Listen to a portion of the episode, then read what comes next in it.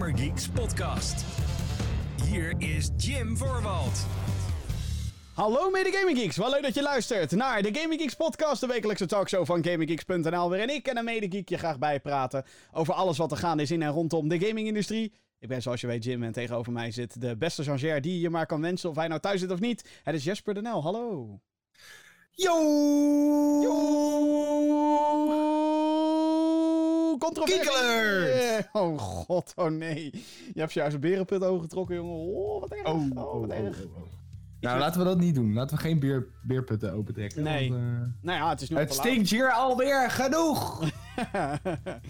Ja, iets met controversiële streamers en YouTubers die allemaal kijkers gaan uitschelden en eh, weet ik wat allemaal. Dus, eh, een beetje. eh. Oh, hebben die Gamer Geeks het weer geflikt, ja? Ja, nou, ik sowieso. Ik ben altijd aan het schelden, maar uh, maakt ook verder niet uit. Hallo, welkom Surprising. bij de 128ste aflevering van deze Gaming Geeks podcast. De datum van opname is 28 april 2020. We hebben net, denk ik, de meest trieste Koningsdag achter de rug die, eh, die we tot dusver hebben gehad. Althans, ik ben altijd gewend om dan langs kleedjes te gaan en op zoek te gaan naar gekke games. Nu was er natuurlijk wel een vrij marktplaats, maar ja, het is toch niet echt de magie van langs een kleedje gaan en dan zeggen... hey, dat ziet er vet uit. Hoeveel wil je daarvoor Nee. hebben? 2 euro? Ik bied 1. Anderhalf euro voor een Game Boy game? Weet je wel. dan- Ook geen verzendkosten en zo en dat soort dingen. Dus, ehm, Althans, dat Het is, mijn... eigenlijk, eh, het is eigenlijk de grote tel uit je winst show. Ja, Het, nou ja, eh, dat, dat, is, dat was een beetje altijd mijn ervaring met Koningsdag of Koninginnedag vroeger. Dat ik eh, Mhm. op zoek ging naar retro games. Maar dat was dit jaar natuurlijk gewoon niet het geval vanwege de wereldwijde pandemie. Die natuurlijk nog steeds een grip heeft op onze, ons doen en laten vandaag de dag. Ehm, ja, ik vond het e- echt wel jammer. Want nou heb ik wel een beetje rond zitten speuren op Marktplaats. Omdat er toch dat initiatief getoond werd. Mhm. Ehm, en ik heb zeker ook, ik heb nog wat gehaald ook. oh? Ik heb het alleen nog niet binnen. Nee, nee, ja. Het was, eh, er was iemand die, eh, die eh, verkocht Super Mario Party voor 20 euro. En toen dacht ik, nou, dat vind ik een mooi prijsje. Voor de Switch. Voor de Switch, zeker, ja. Nou, nou Toen hey. dacht ik, ook niet echt bepaald retro of zo, maar toen dacht ik, dat is een mooi Nee. prijs. Dat vind, vind ik leuk. Dat, dat- die, pik, die pik ik dan mee. Maar dan, De game schijnt niet zo heel goed te zijn, maar voor 20 euro. Nou ja, exact. En dan denk ik, weet je, het is zo'n essential Switch game waarschijnlijk. En ja, dat, eh, je moet toch eh, voor een Nintendo console moet je Mario Kart hebben, je moet Smash hebben, je moet een Mario game hebben, een Zelda game en je moet een Mario Party hebben. Nou, die heb ik allemaal en. Animal Crossing. En Animal Crossing natuurlijk. Ja, zeker. Zeker. ja. Ja. Ja. Ehm, maar ja, dan, dan waren er dus ook heel veel mensen die... eh, die hadden dan ook wel toffe dingen, weet je wel. En dan, dan ging ik daarop bieden. Zoals een Nintendo DS of zo, een DS Lite. dacht ik, nou, die, die, die, heb ik Mhm. niet. Ik heb alleen nog maar een, een normale Nintendo DS. En een 3DS, maar even daarbuiten. En eh dan zijn er dus van die mensen... En ik, snap niet waarom je dit zou doen. In de tijden waarin we leven. Maar dan zijn er dus mensen die hadden dan een, een advertentie op Marktplaats gezet. En die Ja. zetten er dan bij of die... Of die hè, dan heb je een bod gedaan. En dan vragen ze, wanneer kan je het komen ophalen?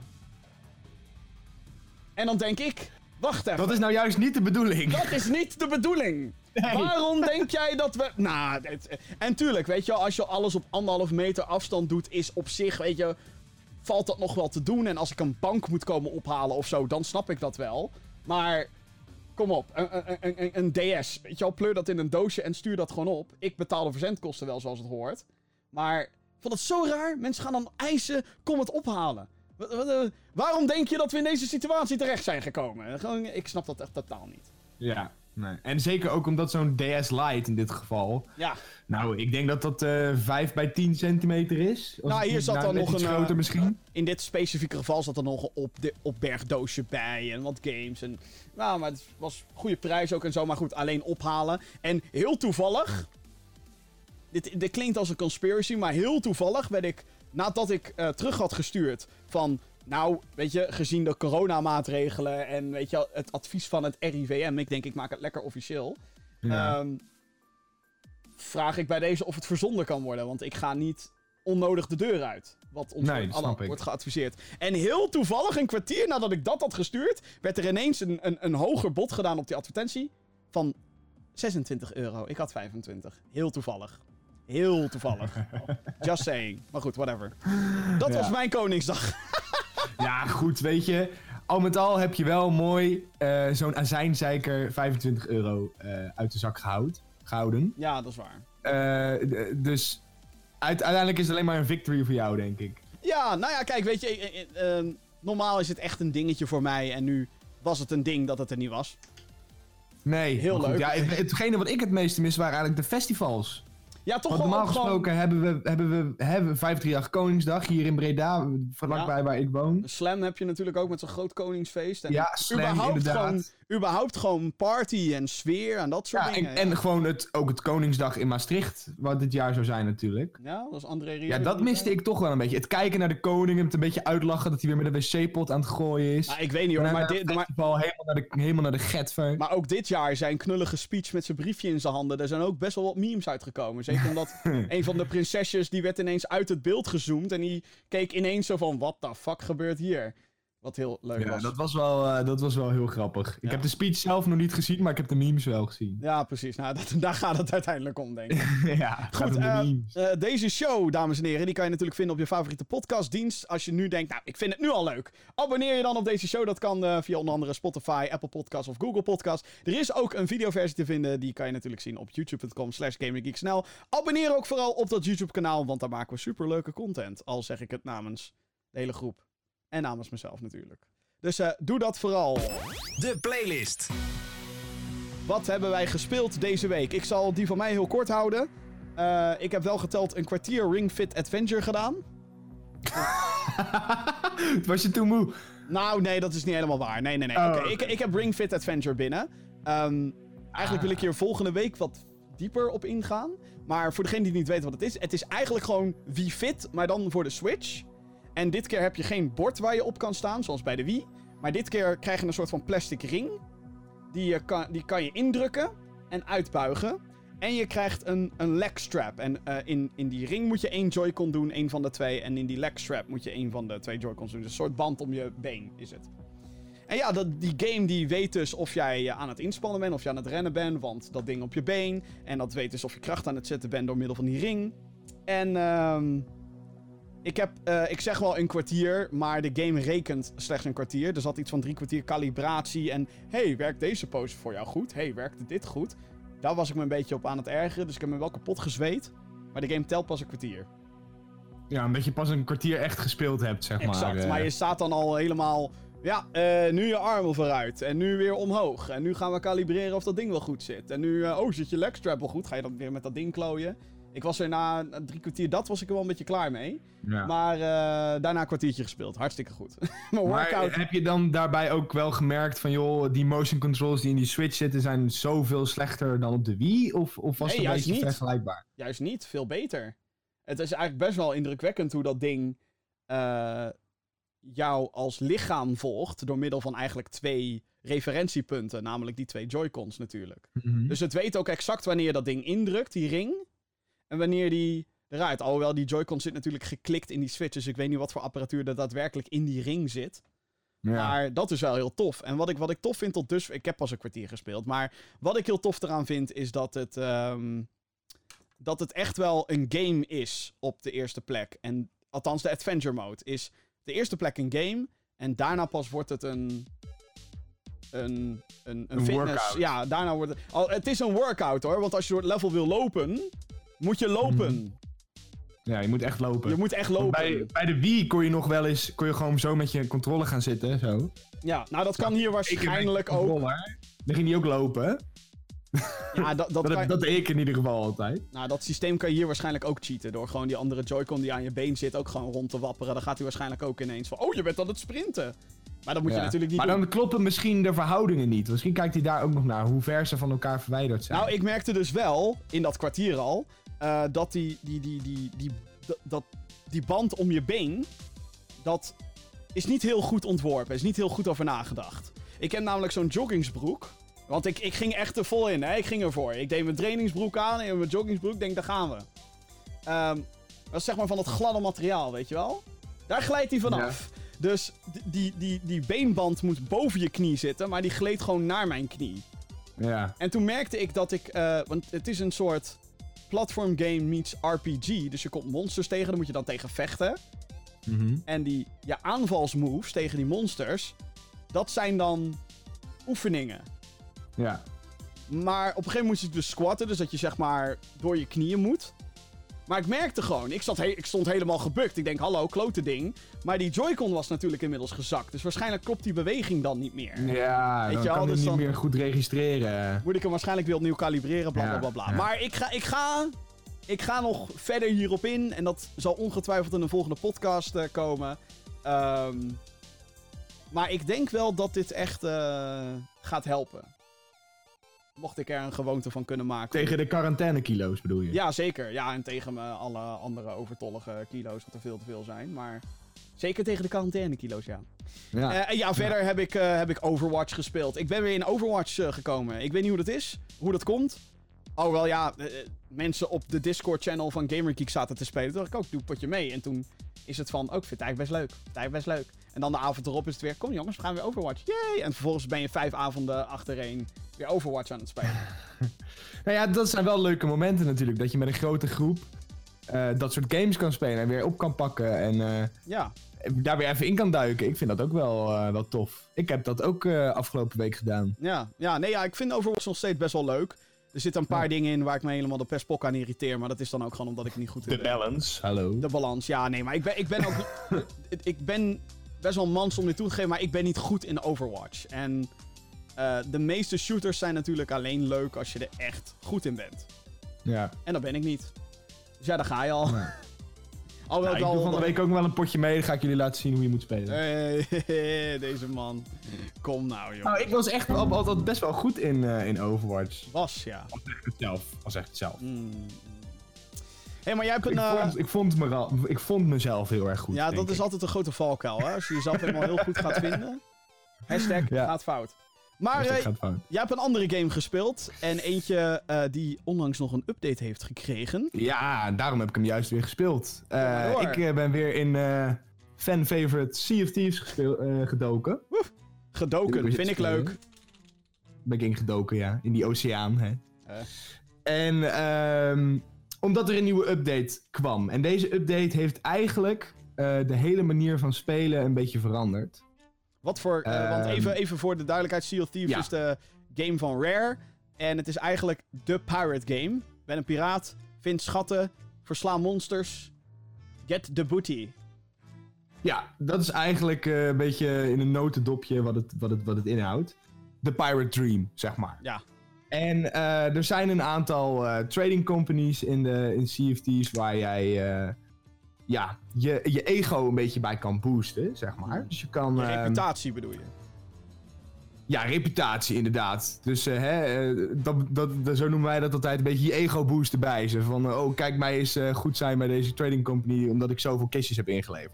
Oh, ja. Ehm, dat is eigenlijk een beetje waar de hele game op gebaseerd is. Dus je hebt een aantal trading companies. Je hebt er eentje voor schatkisten.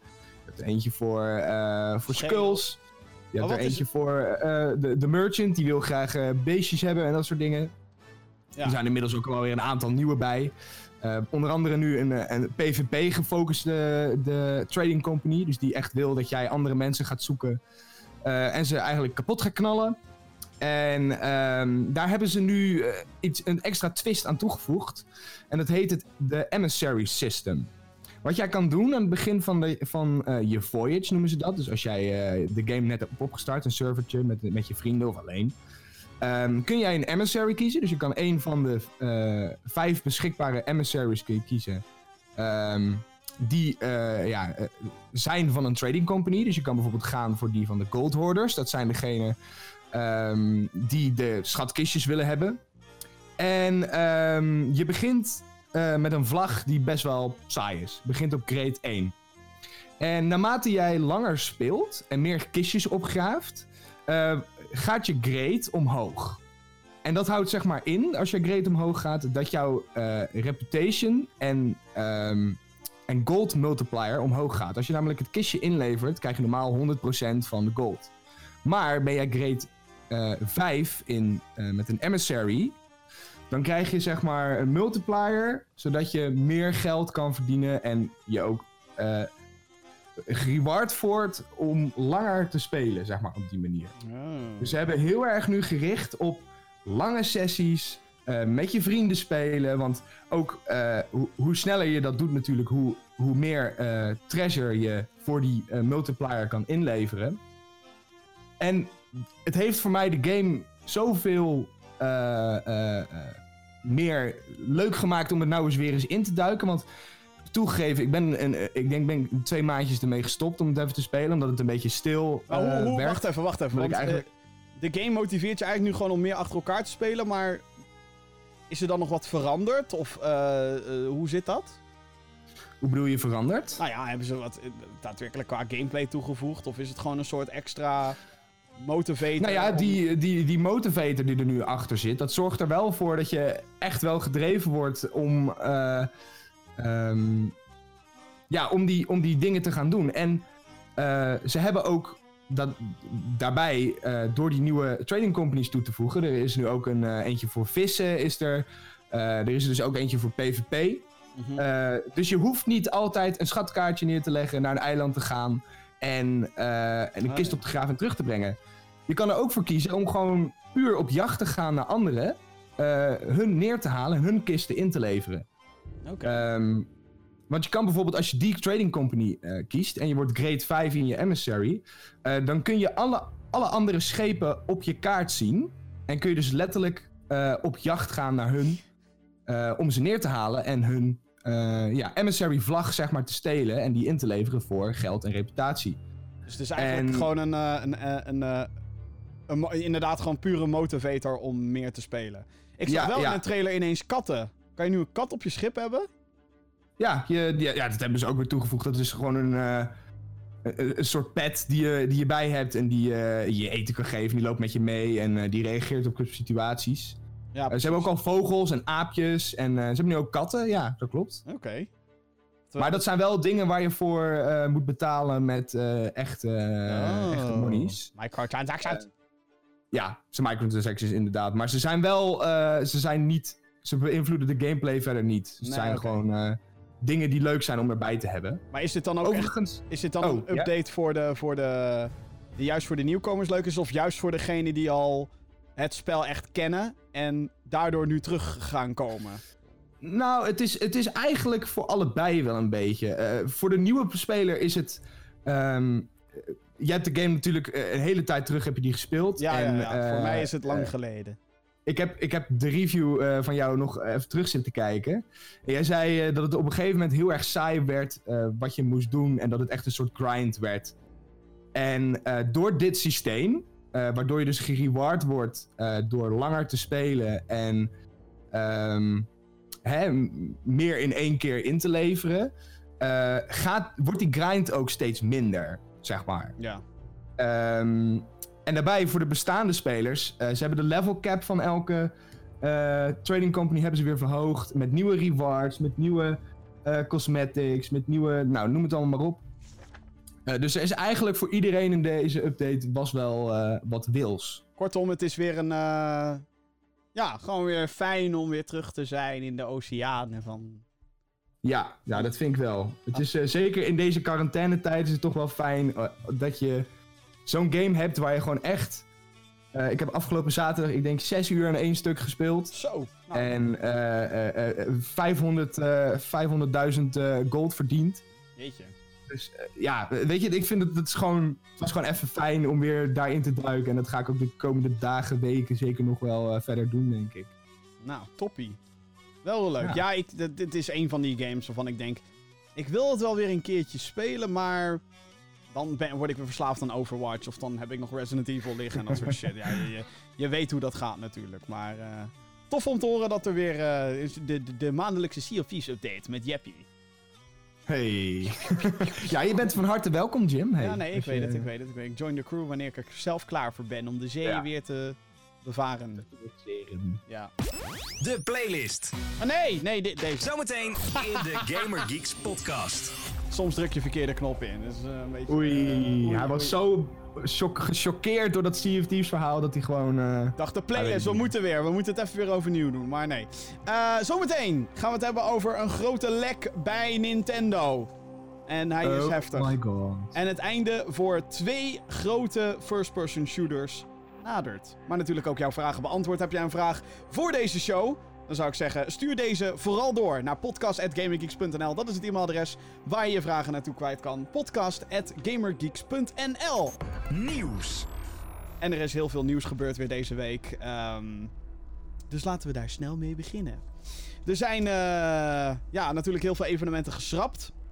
Waaronder de E3, de Electronic Entertainment Expo, zeg maar de grootste gamebeurs van het jaar. Eh, die gaat niet door eh, vanwege uiteraard de, de wereldwijde pandemie. En iedereen zat natuurlijk, ja hallo, wat nu?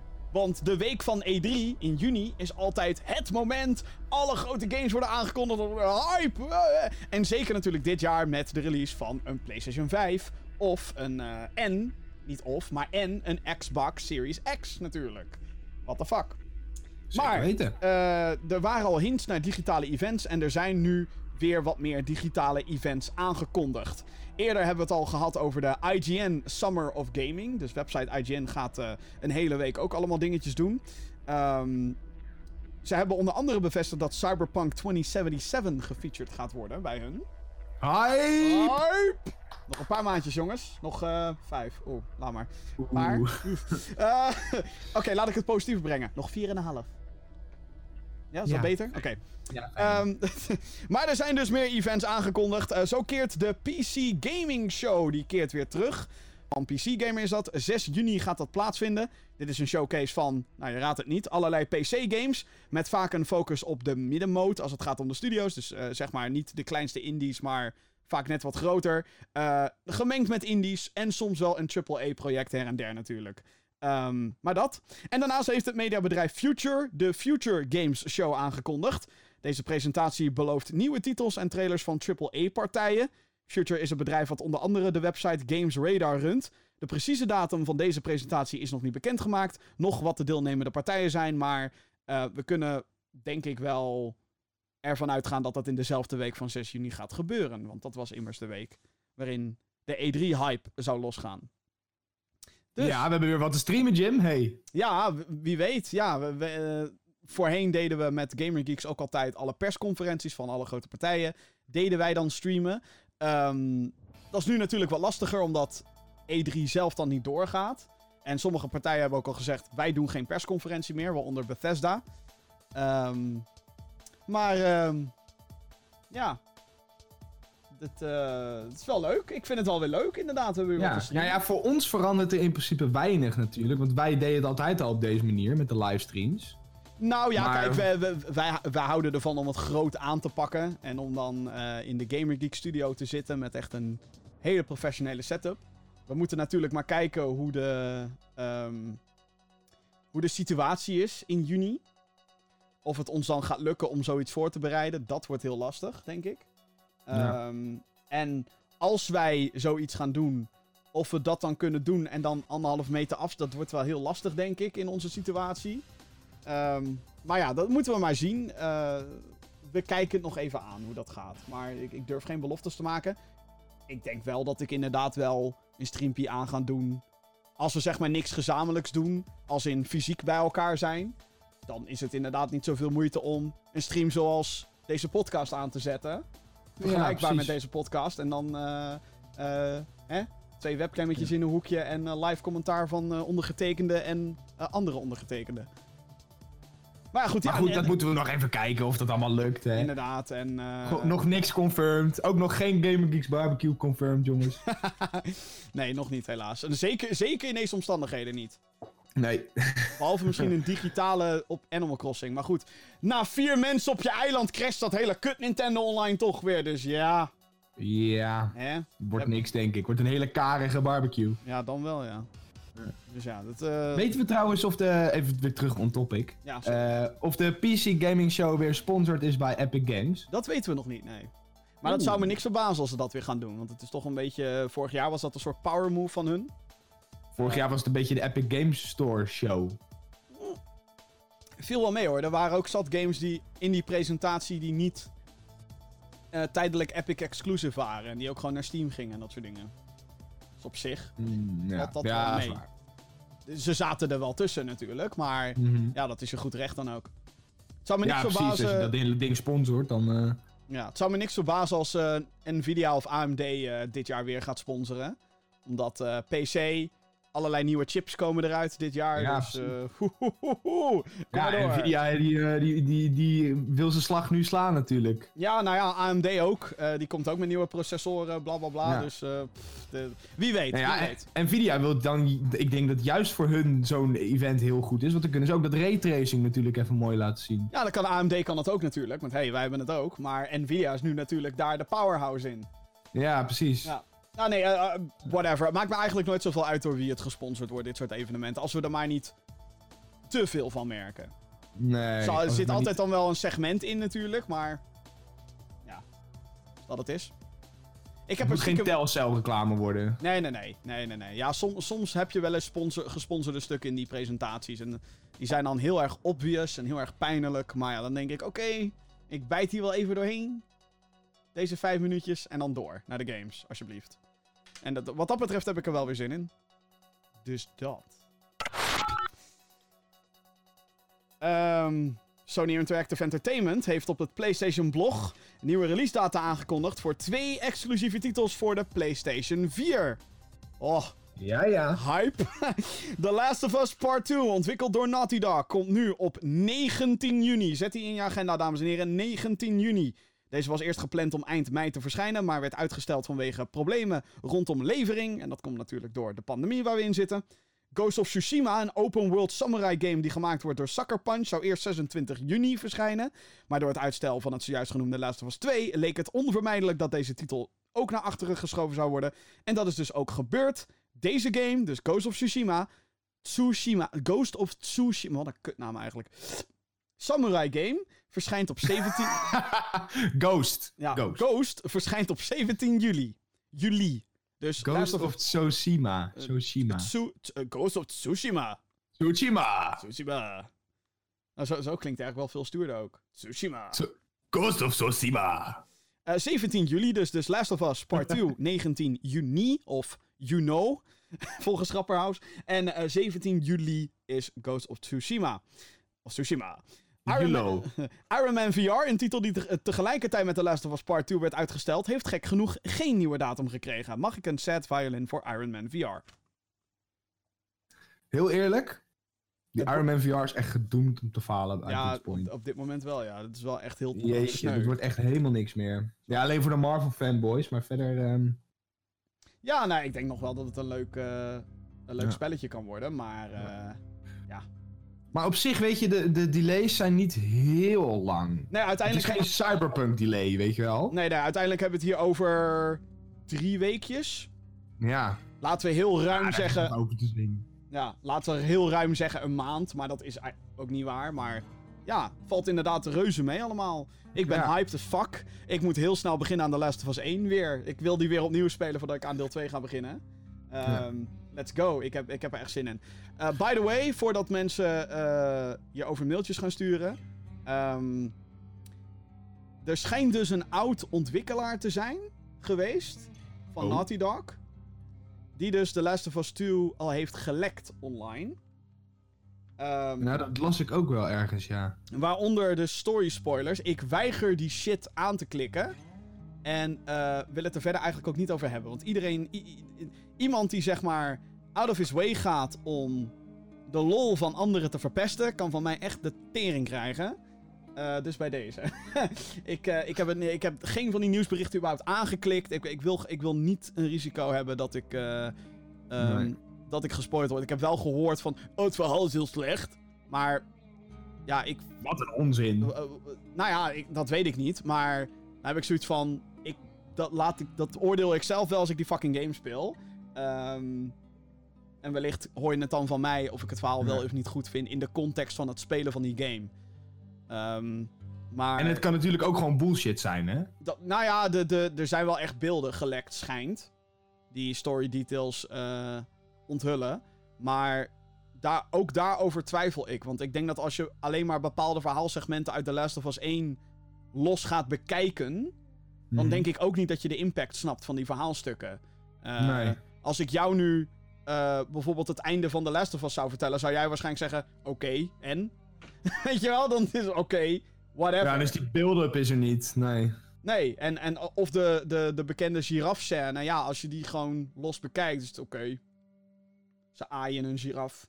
Boeien. Ja, ja. Maar als je het in de context van de game, dan is het een heel impactvol moment. Maar dat moet Ja, je meemaken. Dus ehm, ja, dat, eh, eh, ik, ik ben daar heel. eh, ik neem daar heel erg veel afstand van. Ja, Zoals je dat wellicht- snap ik. Ja, zeker, en zeker omdat je natuurlijk ook hype bent voor die game. ja, ja, zeker dat. Ja, ik wil gewoon. Kijk, weet je, story spoilers. Ik vind het altijd. Ook voor games. Het wordt natuurlijk steeds prominenter ook. Ehm, en als je zo'n teringleier bent die shit gaat spoilen, doe het gewoon niet. Gewoon geen enkel detail. Gewoon. Zeg Nee. niemand gewoon iets. Gewoon whatever. Behalve als iemand er expliciet om vraagt. Maar Ja, of zeg dat hij het oké vindt. ja, dan is het echt wel wat anders. Maar dan Ja. moet je ook rekening houden met de mensen in de ruimte. Ja, precies, precies. Fuck mensen. Maar in ik, ik word wel steeds benieuwder naar dat Coast of Soshi- Soshi- Tsushima. Hoor. Als je dat stemmetje op zegt, dan kan ik het ineens wel uitspreken. Ja. Maar het, ondanks dat ik geen PlayStation 4 heb, ben ik wel daar heel erg benieuwd naar. Ik ook. Ja, ik ook. Eh, lijkt me heel tof. Het lijkt Eigenlijk. me heel vet. Gewoon, al is het alleen maar omdat we niet heel veel samurai games zien die het gegeven samurai nog serieus nemen, zeg maar. Nee, en, en, en ook Japanse games die mij aanspreken. Dit is geen Zeg Japanse maar. game. Nee, maar het speelt zich af in Japan. Ja, oké. ja, nee, want als je zegt Japan... Als je, de mensen zouden dat Nee. echt een, eh, een culture... eh, Ja, nee, het speelt zich af in Japan. ja, Rustig. dat is waar. Eh, normaal gesproken ja, spreken mij dat soort games mij gewoon niet aan. Of het nou van die, van die anime dingen zijn of wat meer realistisch, zoals Coast of Tsushima. Tsushima. Ik weet niet, het heeft me nooit echt getrokken, maar hier heb ik wel zoiets van, dit ziet er teringlauw uit. Dit ga, dit ga ik in de gaten ik houden. ben ook heel benieuwd hoe het eindproduct gaat draaien op de standaard PS4, eigenlijk. Ik hoop dat, die, eh, dat, die met, dat het een launchtitel op eh, PS5 wordt, want dan eh, kan ik hem Nou gelijk ja, op alles PS5 is, alles is backwards compatible natuurlijk. Of althans, alle grote Mooi. games worden backwards compatible sowieso. Dat En hoor ik graag. het zou mij niks verbazen, maar dat soort details dat- weten we niet. Maar het zou mij niks verbazen als de grotere titels, denk aan een Horizon, denk aan een Last of Us Part 2 en 1, ehm, dat Mhm. die een, eh, een, een, een PS5 4K eh, raytracing patch krijgen of zo, weet ik veel. Ja, grote kans. Ja. Waarschijnlijk doe ik het alsof het heel makkelijk is om dat te implementeren, wat waarschijnlijk niet zo is, maar alsnog. Dus ja. Nee, maar ja, ze willen dat ding verkopen, dus waarom dan niet? Ja. Toch? Too long didn't listen. Eh, nogmaals, in je agenda zetten, dames en heren. The Last of Us Part 2, 19 juni. En Ghost of Tsushima, 17 juli. Dan nieuws over Nintendo bullshit, dames en heren. Ah, het is weer zover. Nintendo heeft te kampen gehad met een grote datalek. Volgens de Japanse uitgever zijn meer dan 160.000 netwo- eh, Nintendo Network ID-accounts gehackt. Dit zijn accounts waar voorheen mee ingelogd kon worden om online te gaan op de Nintendo 3DS en de Wii U. Deze was ook gekoppeld aan het huidige accountsysteem. Nintendo accountsysteem heet dat dan. Voor onder andere de Nintendo Switch. Wat lijkt uit eh, paniek heeft het bedrijf per direct de stekker getrokken uit dit type account. Eh, dus je kan niet meer inloggen op je Nintendo Network ID. Gebruikers kunnen nu enkel inloggen met een Nintendo-account of met een social media dienst als deze al gekoppeld was. Het bedrijf adviseert om tweestapsverificatie aan te zetten eh, en om ongeoorloofde activiteiten te counteren met een accountherstel. Het lijkt erop dat het Nintendo Network ID nog wel terug gaat keren, maar dat zal alleen gebeuren als de beveiliging verbeterd is. Ja, dat eh, is ehm, pijnlijk, dit. Dit is eh, heel pijnlijk, ja. Ja, dit was. dit is. oei. Oei. Was wel even. ik ga ook mijn tweestapsverificatie zomaar even aanzetten, Ja, want... dat- eh, Heel eerlijk, ik moet dat eigenlijk ook nog doen. Want heel slecht is dat ik dat niet Ja. gedaan heb. Maar. ehm, ja, ik zag ook ineens op Twitter. eh, anderhalve week geleden of zo. Zag ik ineens mensen. Huh? Iemand heeft Ja. ingelogd op mijn account. Kut, weet je al. Nu moet ik mijn wachtwoord gaan veranderen. ja. Dus dan weet je, ja, eh, zij hadden je. Ja. Dus ja, dit is best wel. Het is nog geen Sony-hack, weet je wel. Niet zo- zo'n grote schaal. Maar eh, ja, het is natuurlijk niet handig. En dit bewijst Nee. maar weer hoe weinig verstand Nintendo heeft van online infrastructuren. Ehm, Nou ja, dat blijkt maar weer. ja. überhaupt dat het Nintendo Network ID bullshit nog bestond. Terwijl je daarnaast ook een Nintendo-account had. What the fuck gewoon? Wat is dat voor onzin? Ja. Ja, man. Ja. Dus ja, dit... eh, ja. Ja, Nintendo en online zijn nooit echt vriendjes geweest, natuurlijk. Nee, maar wat nu natuurlijk heel schadelijk is, is dat je er nu voor moet betalen. Ja. Waardoor, alhoewel niet voor een network, Nintendo Network ID op zich niet, een account aanmaken is gratis, maar Online spelen wel. ja, nou ja, dat, ja, dat is inderdaad niet meer gratis. Op de Nee. Switch dan. Dus ja, het is, eh, ik vind het niet eh, heel netjes wat hier gebeurt. En ik vind het, Nee. Ik hoop dat we het snel kunnen oplossen. hoop ik ook, inderdaad. Dit is eh, niet handig, Nintendo. Niet handig. Nee. Dat is kleinste woord. Allemaal je twee-staps-verificatie aan. Hoppakee. Zorg ervoor dat je een paddenstoel hebt, zodat je op zijn minst... Überhaupt doen. Ook op je Twitter, op je Facebook, op je whatever, op je mail. Ja, Altijd aanzetten. Tipje van de dag. zeker. Gaan we naar eh, de volgende. Ehm, ja, eh, de- de- zet maar een begrafenisdeuntje aan, want eh, het is Oh ja, Coffin Dance, kom er maar in. Coffin Dance. Eh, DICE en EA hebben aangekondigd te stoppen met het ontwikkelen van nieuwe content voor de first-person shooter Battlefield 5. In een blogpost genaamd The Future of Battlefield 5 eh, wordt omschreven hoe deze zomer het gratis contentpakket Chapter 6 gaat verschijnen. En dat er daarna enkel nog wekelijkse beloningen gehaald kunnen worden. Ehm, ja, een nieuwsgierige fan die vroeg via Twitter of dit betekende dat het uitrollen van nieuwe content na een eventuele Chapter 7 stopt. Maar daar wist het officiële account op te reageren met een duidelijke nee. Deze zomer, Chapter 6, is de laatste content update.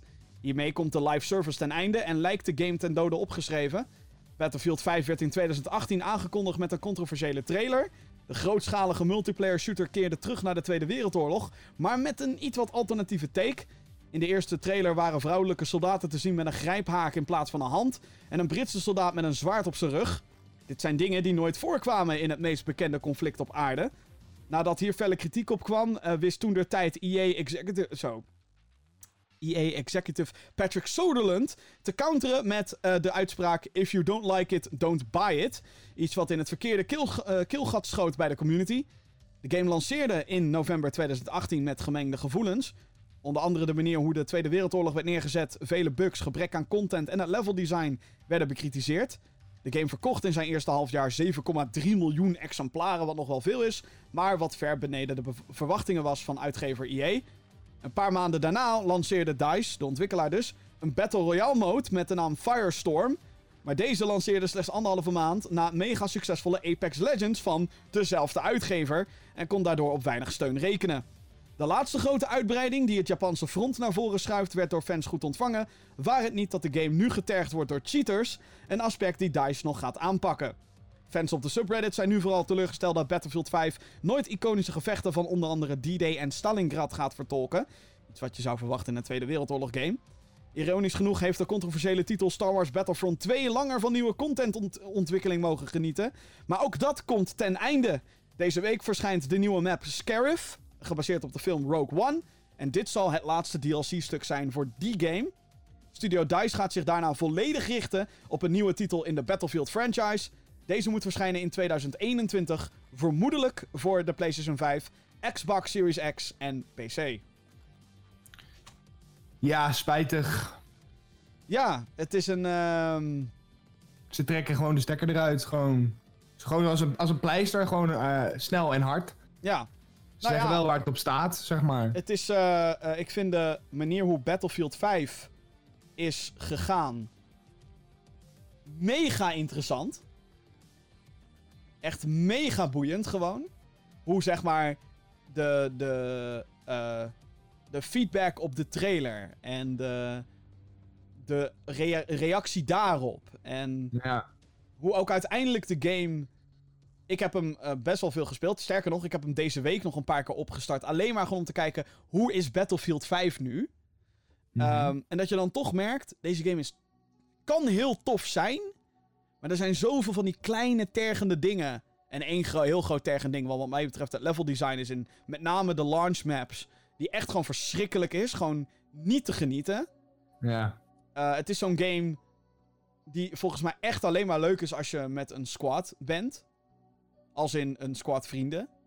Mhm. Ehm, en ik, ja, er zijn levels waarin dat echt wel anders is. Eh, Snipers Paradise. ja, nee, maar dat is het echt. Het is gewoon grote lege velden. En dan zit er ergens 200 meter verderop zit een huisje. Ja, veel succes dat je daar... En alle tanks en wagens zijn natuurlijk al lang ingenomen. Ja, veel succes, weet je wel. Ja, gewoon- precies. Ja. Ja, het is gewoon niet goed over nagedacht, vind ik. En ik heb echt zoveel lol gehad met andere Battlefield games. Ook gewoon als soldaat, weet je wel. En ik hoef niet eens de beste te zijn of zo. Dat boeit me allemaal niet. Maar ja, het is gewoon allemaal... Je wil even in die wereld stappen. Zeg maar. Ja, ja maar ook dat hele... En- Dat, dat gedoe rond die Battle Royale mode is gewoon lachwekkend natuurlijk. Gewoon. Het, het was echt... Zo. Ik heb denk ik één potje gespeeld. Ik toen was ik er alweer klaar mee. Ik ook, ja. Het was ook gewoon dat je merkt... Oh ja, ze hebben dit even snel in elkaar geflanst. Ja. Maar ook gewoon, ja, Apex Legends was er. Waarom zijn in godsnaam de Battlefield 5? weet je wel? ja, precies. Want nu- Apex deed eigenlijk alles beter. Nou ja, het was wel een hele andere... Althans, andere setting ook en zo. Apex Legends is heel sci-fi. Speelt zich af in het Titanfall-universum. Daar kan je echt rondspringen, rondvliegen, weet ik het allemaal. Het kan in Mhm. Battlefield natuurlijk niet. Maar in Battlefield heb je dan weer voertuigen. Ehm, maar ja, Ja. ook nu. Nu, heb je, nu hebben we Call of Duty Warzone. En dat is, vind ik, wel echt de beste Battle Royale titel. Ook al ben Ja. ik ook daar niet heel goed in. Maar ja, eh, eh, het is gewoon echt een drama. En dan, maar ook gewoon de rest van de game. En ja, het, ze hebben nooit, ook hier merk je ook, ze hebben nooit kunnen herstellen van, van de controversies die de game plaagden in het begin. Ja, precies. Ja, en ook natuurlijk het hele stukje met, eh, dat, dat heb ik dan nog meegekregen, met de time to kill. Ja, dat ook. Jezus, ja. Eh, dus eh, hoe lang je, zeg maar, eh, hoeveel kogels je in iemand moet schieten voordat ze dood zijn. Ja, ook, ook dat. Daar, daar is zoveel mee, mee gerommeld, dat het echt helemaal fucked is nu. Ja, eerst, eerst was het. eerst vond ik het soort van oké, maar waren snipers wel heel overpowered. Want dat was meestal one shot, one kill. En dan moest je een halve of bijna twintig kogels assault rifles in iemand pompen voordat je iets neer had. Ja. Ehm, daarna gingen ze dat terugdraaien. Toen was het echt eh, bijna Call of Duty niveau eh, van time to kill. Mhm. Nou, dat werd ook niet echt gewaardeerd. Toen gingen Nee. mensen weer te snel dood. Toen gingen ze dat weer terugdraaien. Toen gingen we weer te langzaam dood. Dus het was... Het feit dat ze dat in het begin al niet goed hadden, eigenlijk... Was al... eh, En nog steeds hoor. Ook toen ik het deze week weer speelde, had ik soms ook gewoon momenten dat ik denk... Hallo, je hebt een, bijna een hele clip aan assault rifle kogels heb jij, heb jij zojuist van mij ontvangen. Hoe lig jij nog niet? Ja, precies. En natuurlijk heeft Ja, en, mij... dan- en dat zorgt voor frustraties natuurlijk. Ja. Nou, En, dan wordt die game gewoon steeds minder leuk om te spelen. En ja, en op een gegeven moment ben je gewoon helemaal klaar mee. Ja, ja, het verbaasde me echt hoe lang ik het dan niet gespeeld had. Dat ik denk, jezus. En ook de ja, wij hebben het, eh, toen het toen het uitkwam, hebben wij het best veel, veel gespeeld. Ja, zeker. De ja. Come On Squad. ja, we hebben ook best wel lol gehad. Ja, Alleen soms wel gewoon op de, om de verkeerde redenen. De- dat, dat we genoten van elkaars rages. Ja, In plaats van Vooral elkaars... van die van jou. Ja, nou zeker. Ja, als, als ik ergens kan, om kan ragen, zijn het wel first-person shooters. Dat is wel echt... eh bij mij echt gewoon... dat- ik, ik hoor mijn bureau al denken als ik weer een shooter opstart. Oh nee. Daar gaan we weer. Een multiplayer, een, mul- een multiplayer shooter dan, hè? Een singleplayer, Ja. dat... eh tenzij het Dat echt wil nog lukken. Ja. Ja, en Star Wars, Jeppie. Dit is natuurlijk een beetje jouw eh, terrein. Eh, Ja, nou ja, ik, kijk, ik, ik zag hem eigenlijk al wel aankomen. Want eigenlijk is het cirkeltje van Battlefront 2 is nu compleet. Ehm, eigenlijk Nee. alles... Nee, Alle... nee, Nee? nee. Sorry, maar ga even door. Maar ik ga je zo meteen counteren, maar nee. Oh. nou ja, voor mij in ieder geval wel. Want eigenlijk... Nou, 90% van wat ik wilde van deze game zit er nu in. Ja, dus eh, even Er zijn natuurlijk altijd nog dingen eh, waarvan je denkt van... Nou, dat had ik ook gewoon graag willen zien. Maar het Star Wars Universe is zo groot dat, je, dat ze echt niet, lang niet alles eh, erin kunnen, in kunnen implementeren, zeg maar. Naar mijn mening. Ja, nou, ik moet wel, ik moet heel eerlijk bekennen eh, dat Battlefront 2 wel echt een hele goede comeback heeft gemaakt in ieder geval. Eh, ik, Ja, zeker weten. Laat ik het zo zeggen. Nou, wat ik net al zei, eh, Battlefront 2 heeft langer nieuwe content gekregen. Veel langer dan Battlefield. Ja, ruim 2,5 jaar. Ja, en je zou denken dat EA zoiets zou hebben van... Nou, het is nou wel genoeg geweest met dat Battlefront. is het nu ook, maar dat ze eerder hadden gezegd... Het is nou wel mooi geweest met dat Battlefront, jongens. Fuck af. Ja, precies. Ja, ik, ik had verwacht dat ze na een jaar eigenlijk de stekker er al wel uit zouden trekken. Omdat het natuurlijk een van de meest controversiële launches eh, ooit heeft gehad. Ja. Ehm, maar ze zijn echt, ze, hebben, ze zijn niet bij de pakken neer gaan zitten. Ze hebben de, boel gepakt en ze hebben, eh, ze hebben echt de hele game, ik denk, eh, nou ja, 80% hebben ze omgegooid. Ik denk dat ze alleen de graphics eh, hetzelfde hebben gelaten. Ja, die waren toch al fucking mooi, dus dat maakt ook verder Ja. niet uit. Maar voor de, voor de rest is echt alles is anders in die game. En Ja, van, als je kijkt naar de launch in ieder geval. ja. ik heb nu wel weer zin om te spelen, moet ik eerlijk zeggen. Precies. En, en nou ja, morgen komt dan dus een nieuwe update uit op het moment dat we opnemen. Ja. Eh, 29 april. The Battle of Scarif. Eh, eentje wat mijn favoriet was uit de vorige game. Uit, uit Star Wars Battlefront uit 2015 van de EA. Ehm, dus ik ben, ik ben wel weer hyped om weer te gaan spelen. Ja. En eh, eh, zeker eh, nu eigenlijk eh, ja, van alle, alle era's. Dus hè, je- de origi- originele trilogie, eh A New Hope, eh, Empire en, eh, en Jedi. Maar ook de prequels en de sequels. Eigenlijk alles is goed vertegenwoordigd in de game. En voor elke fan is er wel plezier te vinden nu. Alles? Dus is- Oké, dit is waar ik je ga counteren. Alles is goed vertegenwoordigd, hè. Clone Wars, ge- geen specifieke characters uit Clone Wars zitten erin, maar wel een shitload aan Mhm. skins. Ehm, hè, de prequels, de, de, de Rogue One en Solo, allemaal vertegenwoordigd. Rise Mhm. of Huh zit erin. ja. Maar waar is de Mandalorian? Exact. What the fuck? Gewoon, ja maar serieus, de Ik wist al Mandalorian... dat die ging komen. De Mandalorian is het beste wat we van Star Wars hebben gezien gewoon de afgelopen vijf jaar. En dat zit niet in deze game? What the Nee, fuck? nee. What the fuck? Er komt een season... Ik dacht, dat, dat zou voor mij zeg maar de beste afsluitings-DLC zijn. Jongens, season Ja. 2 komt eraan. Mandalorian, bitch. We hebben dan een character voor... Of nou, het idee wat ik volgens mij eerder al had... was dat de Mandalorian characters dan neutraal zijn. Dat ze aan beide kanten kunnen, omdat ze toch neutraal zijn. Het zijn fucking bounty hunters, weet je wel? Ja, precies. Kijk, Boba Fett was duidelijk gelineerd aan die Empire. Maar we zagen in het begin van The Ja. Mandalorian. Dit is het begin, dus dit beschouw ik niet als een spoiler.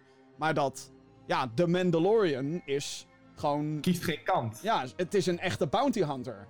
Ja, ja. En zelfs al zou je dat willen doen. Is er duidelijk een good guy. En zeker aan het einde van seizoen 1 is er duidelijk een bad guy. Die fucking lauw zou zijn als we dat in Battlefront 2 hadden gehad. Ja, precies. Maar zo kan je dat ook natuurlijk zeggen over Star Wars Jedi Fallen Order. Die ook niet in deze game vertegenwoordigd is. Dat ook! Ja, dat ook. What the fuck? What the fuck, EA? ja. Maar ja, goed, kijk, er valt ook wel weer iets voor te zeggen. Ze hebben natuurlijk alleen de films gepakt nu. Ja, een klein beetje Nou, nee, nee, nee, nee, de- dat is dus niet waar. natuurlijk. Ja, een klein beetje. Weet je hoeveel skins erin zitten? Van allerlei gekke stormtrooper kleurtjes, weet ik wat allemaal. Dan zit ik hardop in die Discord, zit ik, wat de fuck is dit nou weer? Eh, ja, dat is eh like uit eh, Clone Wars seizoen 5, episode 10. Eh, dat is deze stormtrooper Ja. die like fucking lauw was. En, en ik zit, wat? Daar heb je het over. Ja, Wat? ja. Wat? Wat? En hey, de Clone Wars is canon. Dus, eh... Mhm. Maar kijk, ik, ik snap... En ik vind het natuurlijk ook jammer dat er niks van de Mandalorian in zit. Ik had het fucking lauw gevonden. Yep. Ehm, maar, weet je, voor wat er nu in zit in deze game... Dat is ook wel weer Is er, zo. voor, is er voor elke Star Wars fan wel iets te vinden wat je tof vindt?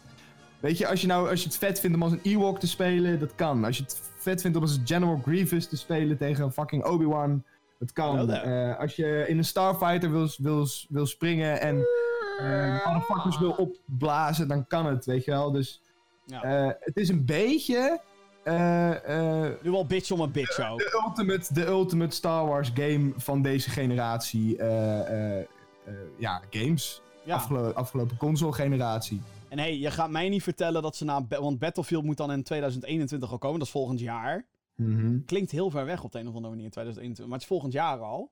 Ja. Je gaat me echt niet vertellen dat ze daarna niet aan een Battlefront 3 eh, gaan, eh, gaan. Nou, ik, ik, ik, ik weet het niet. Ik, eh, voor, voor, een nieuwe, voor een nieuwe generatie consoles? Tuurlijk wel. ja, Battlefront mhm. 3. Met Mhm. Mandalorian. Met Ja, misschien dat ze nog wel een Mandalorian game maken. Ik zie dat eerder gebeuren eigenlijk.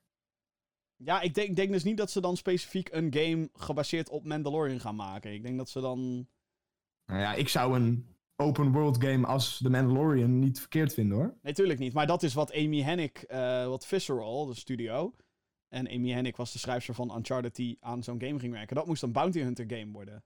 Ja, dat ja, hebben ze gecanceld toen. Ge- gekend. Dat, eh, dat en dat, is, dat project is iets van drie keer opnieuw opgestart met de schaal. Eerst werd de schaal groter, toen moest het multiplayer en Destiny-achtig worden. Toen was het van, oh kut, iedereen de... Kijk naar de faling van hè, Battlefield 5 is nu eigenlijk... Ik denk dat Battlefield 5 ook, nu we het toch Mhm. daarover hebben, hè, ehm, nu dat ook na al anderhalf jaar al gecanceld wordt, of in ieder geval dat, dat, dat het stopt, de ontwikkeling ervan, dat dat wel Mhm. ook misschien wel een teken is voor je van kut. Misschien moeten we like gewoon een complete game releasen. Ja, In plaats nou ja, van... ik denk dat ze dat sowieso wel gezien hebben. Ja, Dat hebben ze natuurlijk met Star Wars Jedi Fallen Order wel laten zien. ja Ehm, dat was gewoon natuurlijk een solide, solide Star dat Wars was game. echt een goede game, ja. Daar komt ook gewoon een vervolg op, denk ik. Het zou heel, dom, zou heel dom zijn als ze dat niet zouden doen. Nee. Maar Daar zijn ze eh, al mee bezig, toch? ja, volgens mij zijn de, de bronnen hebben al een soort... Ja, daar zijn ze, natuurlijk zijn ze daarmee bezig. Kom nou. Natuurlijk. Eh, Ja. fucking goede game. En, Maar eh, goed, dat is niet DICE, hè? Dat is Respawn die dat maakt. Nee, nee, klopt. Maar ook wel weer EA. En dat zit natuurlijk allemaal Ja, in zo'n grote boardroom. Zitten ze daar met z'n allen een beetje te bepalen wat er gaat gebeuren. Tot wanneer hebben zij die licentie eigenlijk? Tot 2022, toch? 23 geloof ik. In 2000, 23. ja, in 2013 hadden zij de deal met Disney. Haha! Eh, voor 10 jaar. Dus die Ja. gaat in 2023 gaat die, eh, is die afgelopen. Dus, eh Nou, moet sowieso nog, nou, er komt sowieso nog wel een Star Wars game, denk ik. ja, nou ja, ik- ik- daarom denk ik, als ze in 2023 nog Battlefront 3 kunnen uitpompen. Uitpompen. En, nou, Fallen, en Fallen Order 2, ja. Daar zijn ze al mee bezig. Ja, dat zou. En ik, de- ik denk ook heel eerlijk, ik denk dat Disney. mm, Nou, weet ik niet. Ik denk dat als EA een Star Wars game wil maken, dat Disney dan wel zegt: ja, prima joh. En ook na het contract. Ik weet niet wat de deal daarna wordt. Maar ik denk niet. Of ze gaan gewoon verder met EA, zeg maar. Mhm. eh, Het contract. Of de licentie. Of ze houden het wat opener, maar als EA dan een Star Wars game wil maken, lijkt het me heel gek als ze dat dan niet meer toelaten. Want ja, ik wil niet zeggen dat EA het goed heeft gedaan of zo, want er valt veel meer met Star Wars te doen dan wat zij hebben bereikt. Het is eigenlijk een beetje schandalig hoe weinig zij met het hele gebeuren voor elkaar hebben gekregen. Ja. Ehm, maar er zitten wel. We beginnen nu eindelijk.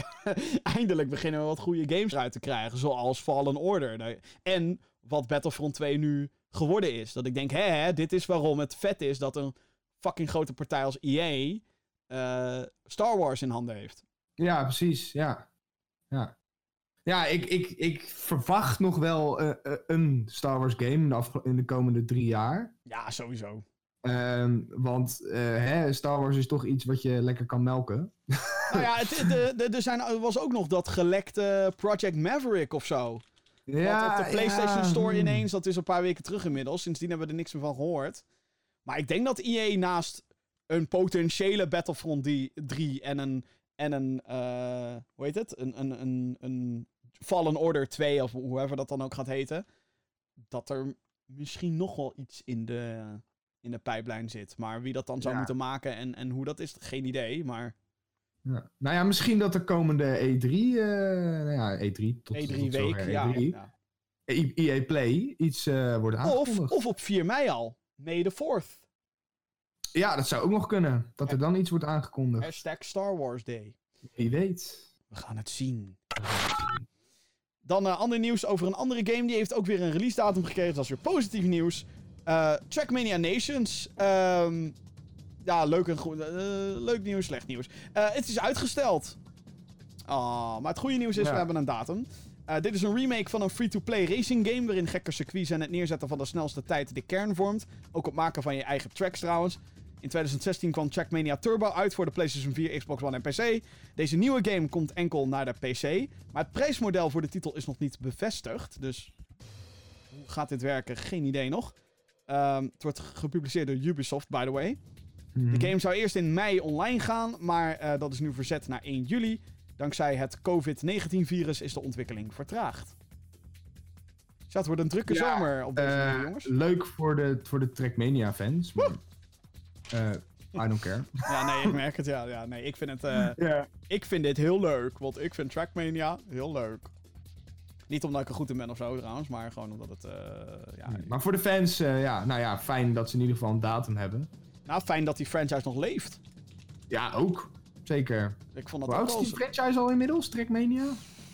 Weten we dat zo? Weet ik niet aan mijn hoofd. Trackmania Nations was 2003 of zo. En dan had je daarvoor had je al een Trackmania game, geloof ik. Oh, best wel oud hoor. Dat was vroeger echt zo'n e-sport eh, favorietje. In de tijden van eh, de World Cyber Games en Counter-Strike 1.6. Toen dat soort van naar, naar Source ging en zo.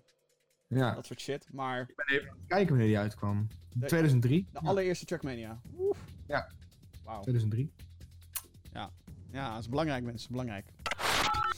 Dan wat spannende nieuws. Eh, het lijkt erop alsof de nieuwe studio die Initiative werkt aan een nieuwe Perfect Dark.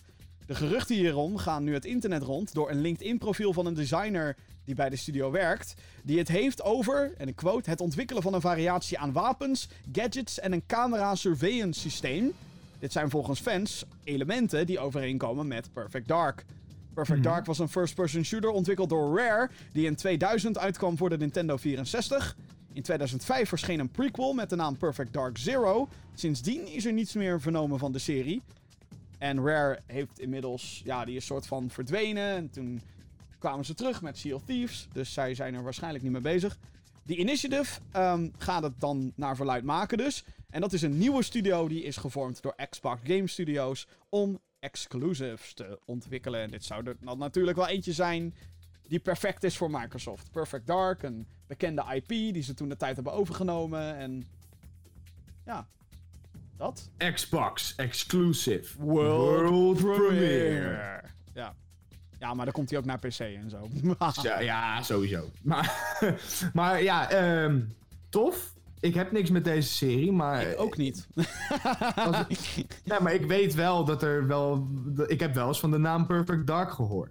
Ja, ik, ja, ik ook zeker. Ja, dit wordt. eh, eh, als je vraagt. eh, als je zeg maar lijstjes op gaat zoeken van de beste Nintendo 64 games. Dan heb je daar de usual suspects zoals Super Mario 64 en GoldenEye. Maar Perfect Mhm. Dark was eigenlijk soort van het vervolg op GoldenEye. Als in het was een FPS van Rare, zelfde ontwikkelaar. die ook heel leuk was met, met vier personen splitscreen, weet je wel. En eh, je was ook een geheim agente. ehm, die ook gadgets gebruikte en zo. Nou, als dat niet als James Bond klinkt, weet, weet ik het ook niet meer. maar dan wat meer sci-fi en cartoony. Eh, want hey, het is toch een eigen IP. Dus ja.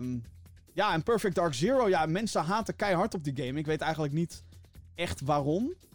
Eh, ik heb het zelf ook niet gespeeld hoor, dus ik zou het ook niet weten. Maar ja, dat schijnt wel echt gewoon die, die serie een beetje gekild te hebben. Maar dat, het, het schijnt namelijk...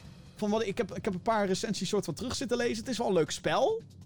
Maar het was het wachten niet waard. Het was niet van, nou, dit is de Perfect Dark van de nieuwe generatie. Dus dan was het waarschijnlijk gewoon underwhelming. Gekild door de verwarming. Door, door de verwarming? zeg ik nou weer? Door de verhitting. Het was te heet allemaal. Door de... Nou, ik weet niet eens meer wat ik wilde zeggen. Ver, door de hype. denk ik. Dat, dat, daar kwam het op neer. Verwachting, ja, jeetje. Verwarming.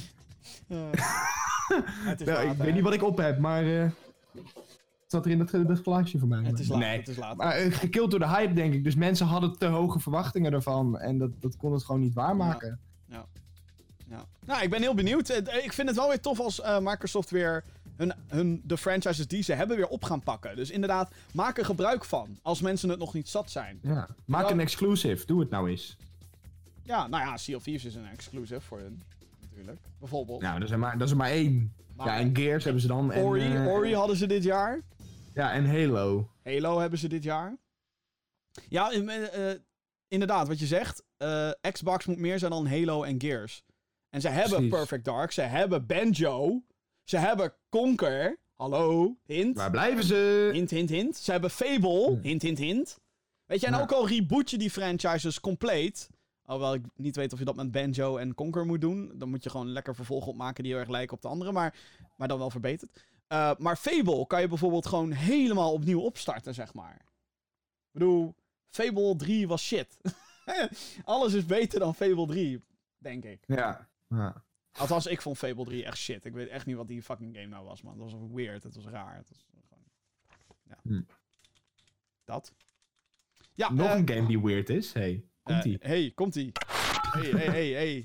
Dank je, bruggetje bouwen. Uitgever 2K heeft zijn plannen aangekondigd voor zijn worstelfranchise WWE 2K.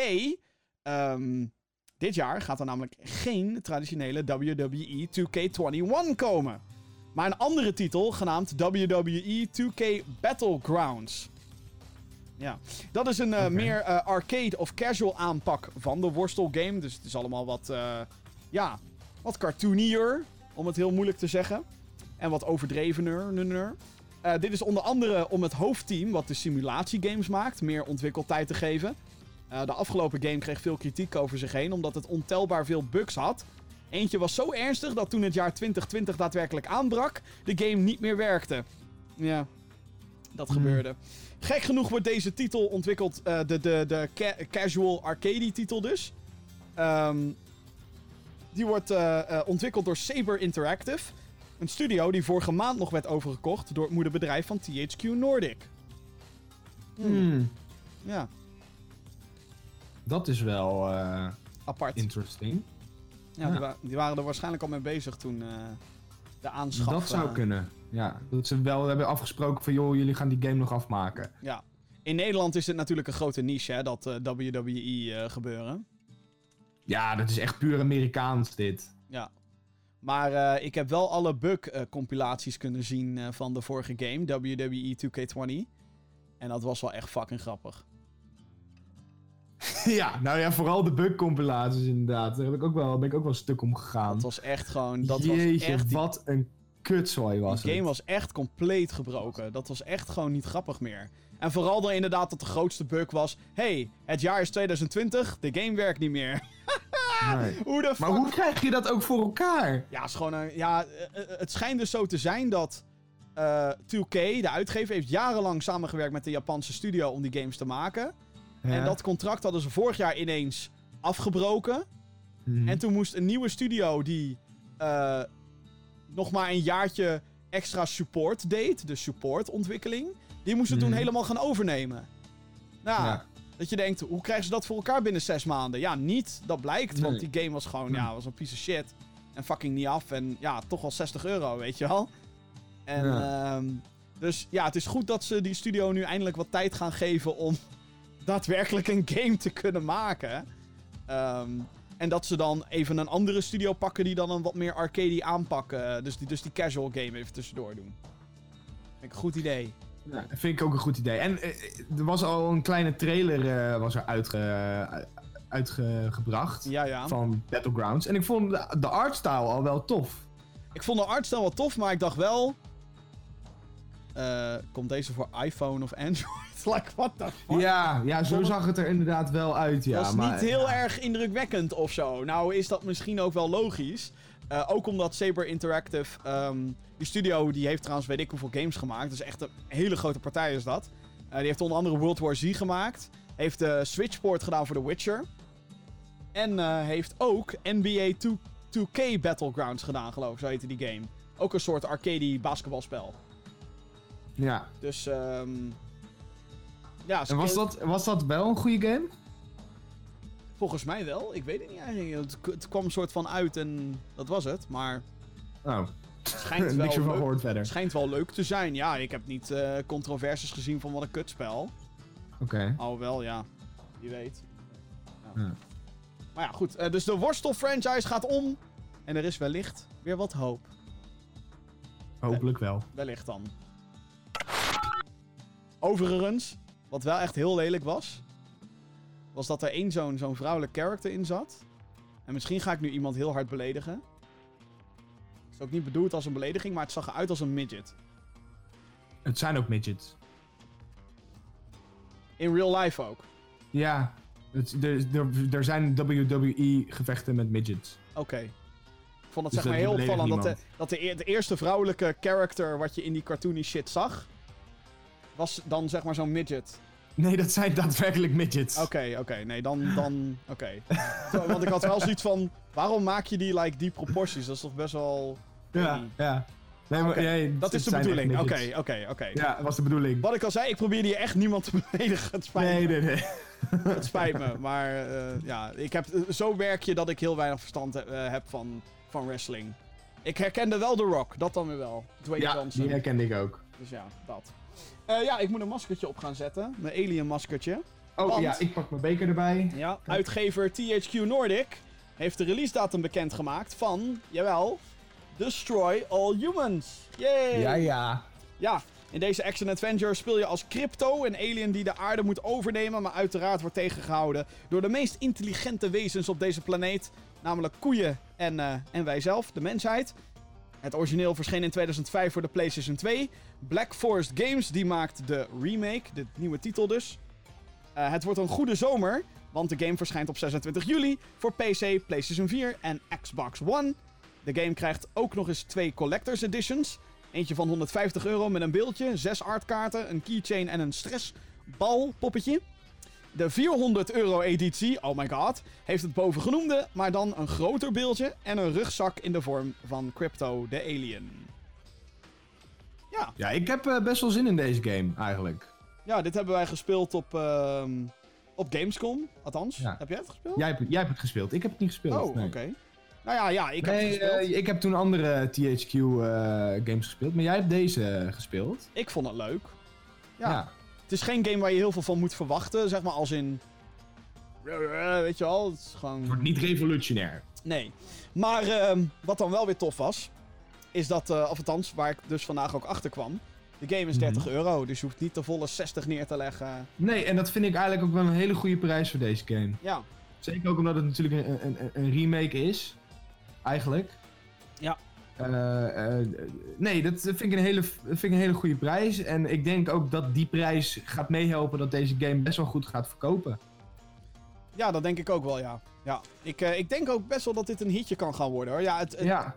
de release datum is natuurlijk een beetje onfortuinlijk in de, in de context van hoe normaal releases gaan. Als in, Mhm. ja, eh, in de zomerrelease is meestal niet zo'n goed idee. Maar ja, met de situatie waar we nu met z'n allen in zitten. Ik denk ook dat deze, zonder dat wij het wisten, is uitgesteld. Ik denk dat het echt wel de bedoeling was dat deze eerder uitkwam. Maar eh, Dat denk ik ook wel, ja. blij dat THQ Nordic ook eindelijk eens met data komt. Desperados heeft een datum. SpongeBob heeft een datum. Destroy All Ja. Humans heeft een datum. Nu Biomutant nog. En dan... En dan Ja. moet THQ Nordic eindelijk met fucking timesplitters gaan komen. Daar zitten heel veel mensen op te wachten, denk oh, ik. Maar. Ja, ze hebben die licentie. Ik word helemaal gelijp. Ja, Maak het nou precies. gewoon een keertje, jongens. Maak het nou gewoon een keertje. Maar goed, eh, tot die tijd dus moeten we het doen met Destroy All Humans. Dus als je een week na de release van Ghost of Tsushima nog een game wil spelen, Destroy All Humans dus op 26 juli. Ja, dan... eh, nou, dit, dit vond ik een hele opvallende. Dit was eh, een van die nieuwtjes die... ehm, ja, zeg maar uitkwam vlak na de opnames van de vorige podcast. Maar ik moet het Mhm. hier natuurlijk over hebben. Eh, er is een fitty gaande. Dikke fitty bro. Fitty! Tussen uitgever Bethesda en componist Mick Gordon.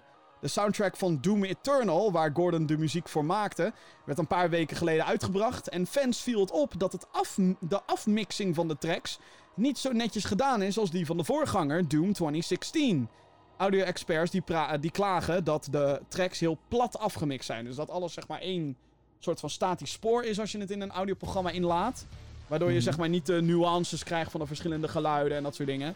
Eh, als je gewoon de game speelt of je bent niet zo in die audiomeuk, dan, dan hoor je dat soort dingen niet. Maar het was juist De dynamiek is weg. Ja, de dynamiek is een beetje weg. Het is gewoon alsof het een platte, platte popplaat is. Hier zo, hier zo. eh, één één lijn. Prima. Ja.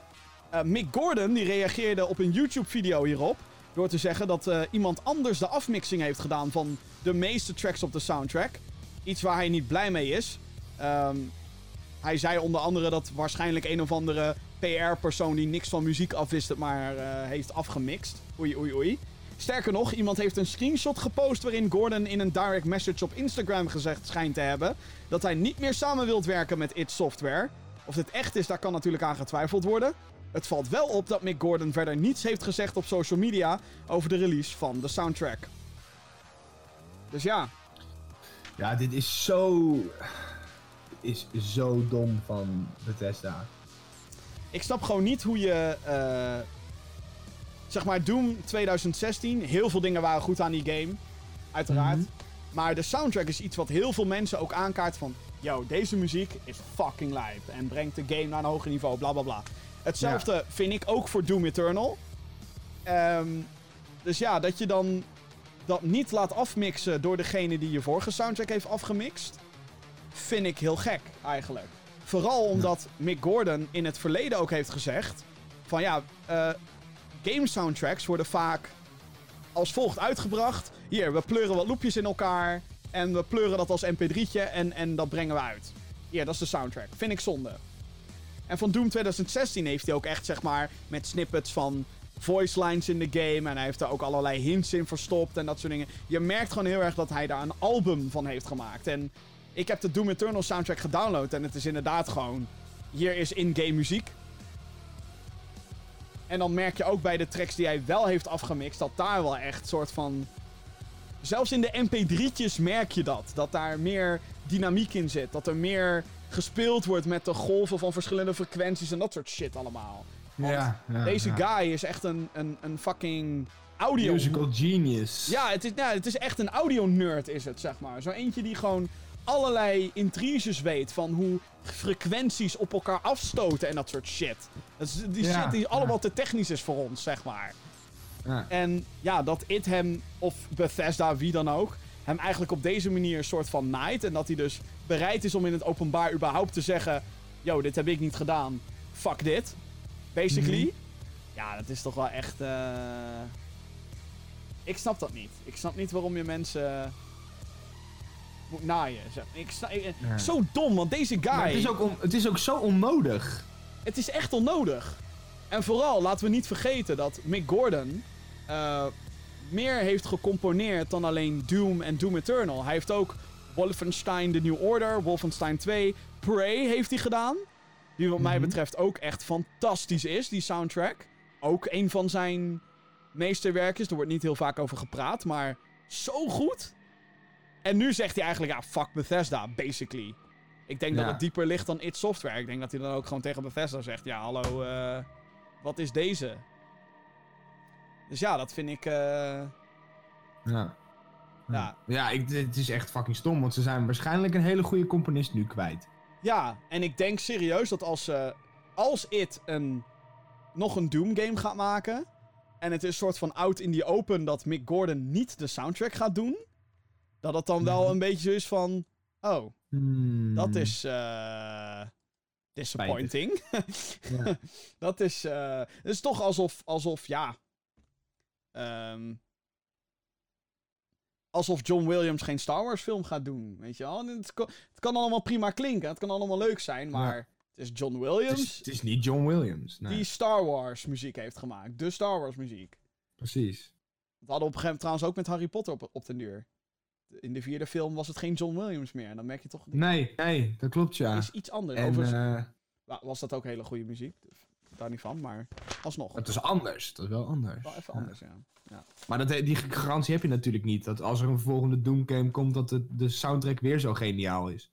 Nou ja, nu al helemaal niet. Of nou ja, kijk, weet je, iedereen bereikt op een gegeven moment zijn hoogtepunt. En eh, het zou heel knap zijn als Mick Gordon zichzelf weer kon overtreffen in een eventuele derde Doom game. Ja. eh, moderne Doom game. Maar ehm, ja. Ja, of er moet ook echt iets fundamenteel veranderen in de Doom game zelf. Weet je wel, dat... eh, want dat was wel dan... Rare vergelijking, weet het. Maar je merkte wel bij Harry Potter... dat de film zelf veranderde ook van toon. Dus is het op zich ook logisch dat de muziek dan verandert van toon. ja, precies. Ja, ja, nou kan John Williams het genie, de Mozart van de modern age, ehm, zou dat ook prima gekund hebben, denk ik. Maar goed, we dwalen af. Ehm, ja, vind ik kut. Ik vind het oprecht kut, zeg maar. Ook voor Ja. eventuele DLC, want ze zijn bezig met DLC. Moet daar ook nieuwe muziek voor komen? Gaat Mick Gordon dat dan ook niet doen? Probably. Dat denk ik dan niet. Of hij moet het al gemaakt hebben. kan ook natuurlijk. ja, dat kan ook. Ja, Ja, ik vind het, ik vind het oprecht kut. Ik, eh, ik haat dit. ik snap het. Dit, dit is een meesterteam wat ze daar hebben. Hugo Martin, Marty Stratton en Mick Gordon. Die drie mensen, van wat ik weet, er zijn natuurlijk veel meer mensen die eh, in dat team zitten en die fantastisch werk hebben geleverd. Maar als een van die drie niet meedoet aan een, aan een Doom game, dan misschien moeten, moeten ze nu ook gewoon stoppen. Weet je wel? Ik heb nu eigenlijk zoiets van, we hebben twee fantastische games. Stop maar Ja. gewoon. Hou maar op. Ja, Bethesda, stop. ja, stop maar. Pak je shotgun er maar bij. Hou Je maar op. shotgun. Je Doom shotgun. Ik vind, ik- ik vind het spijtig. Nou jongens, gaan we weer. De tijd van onbezorgdheid is voorbij. Stadia.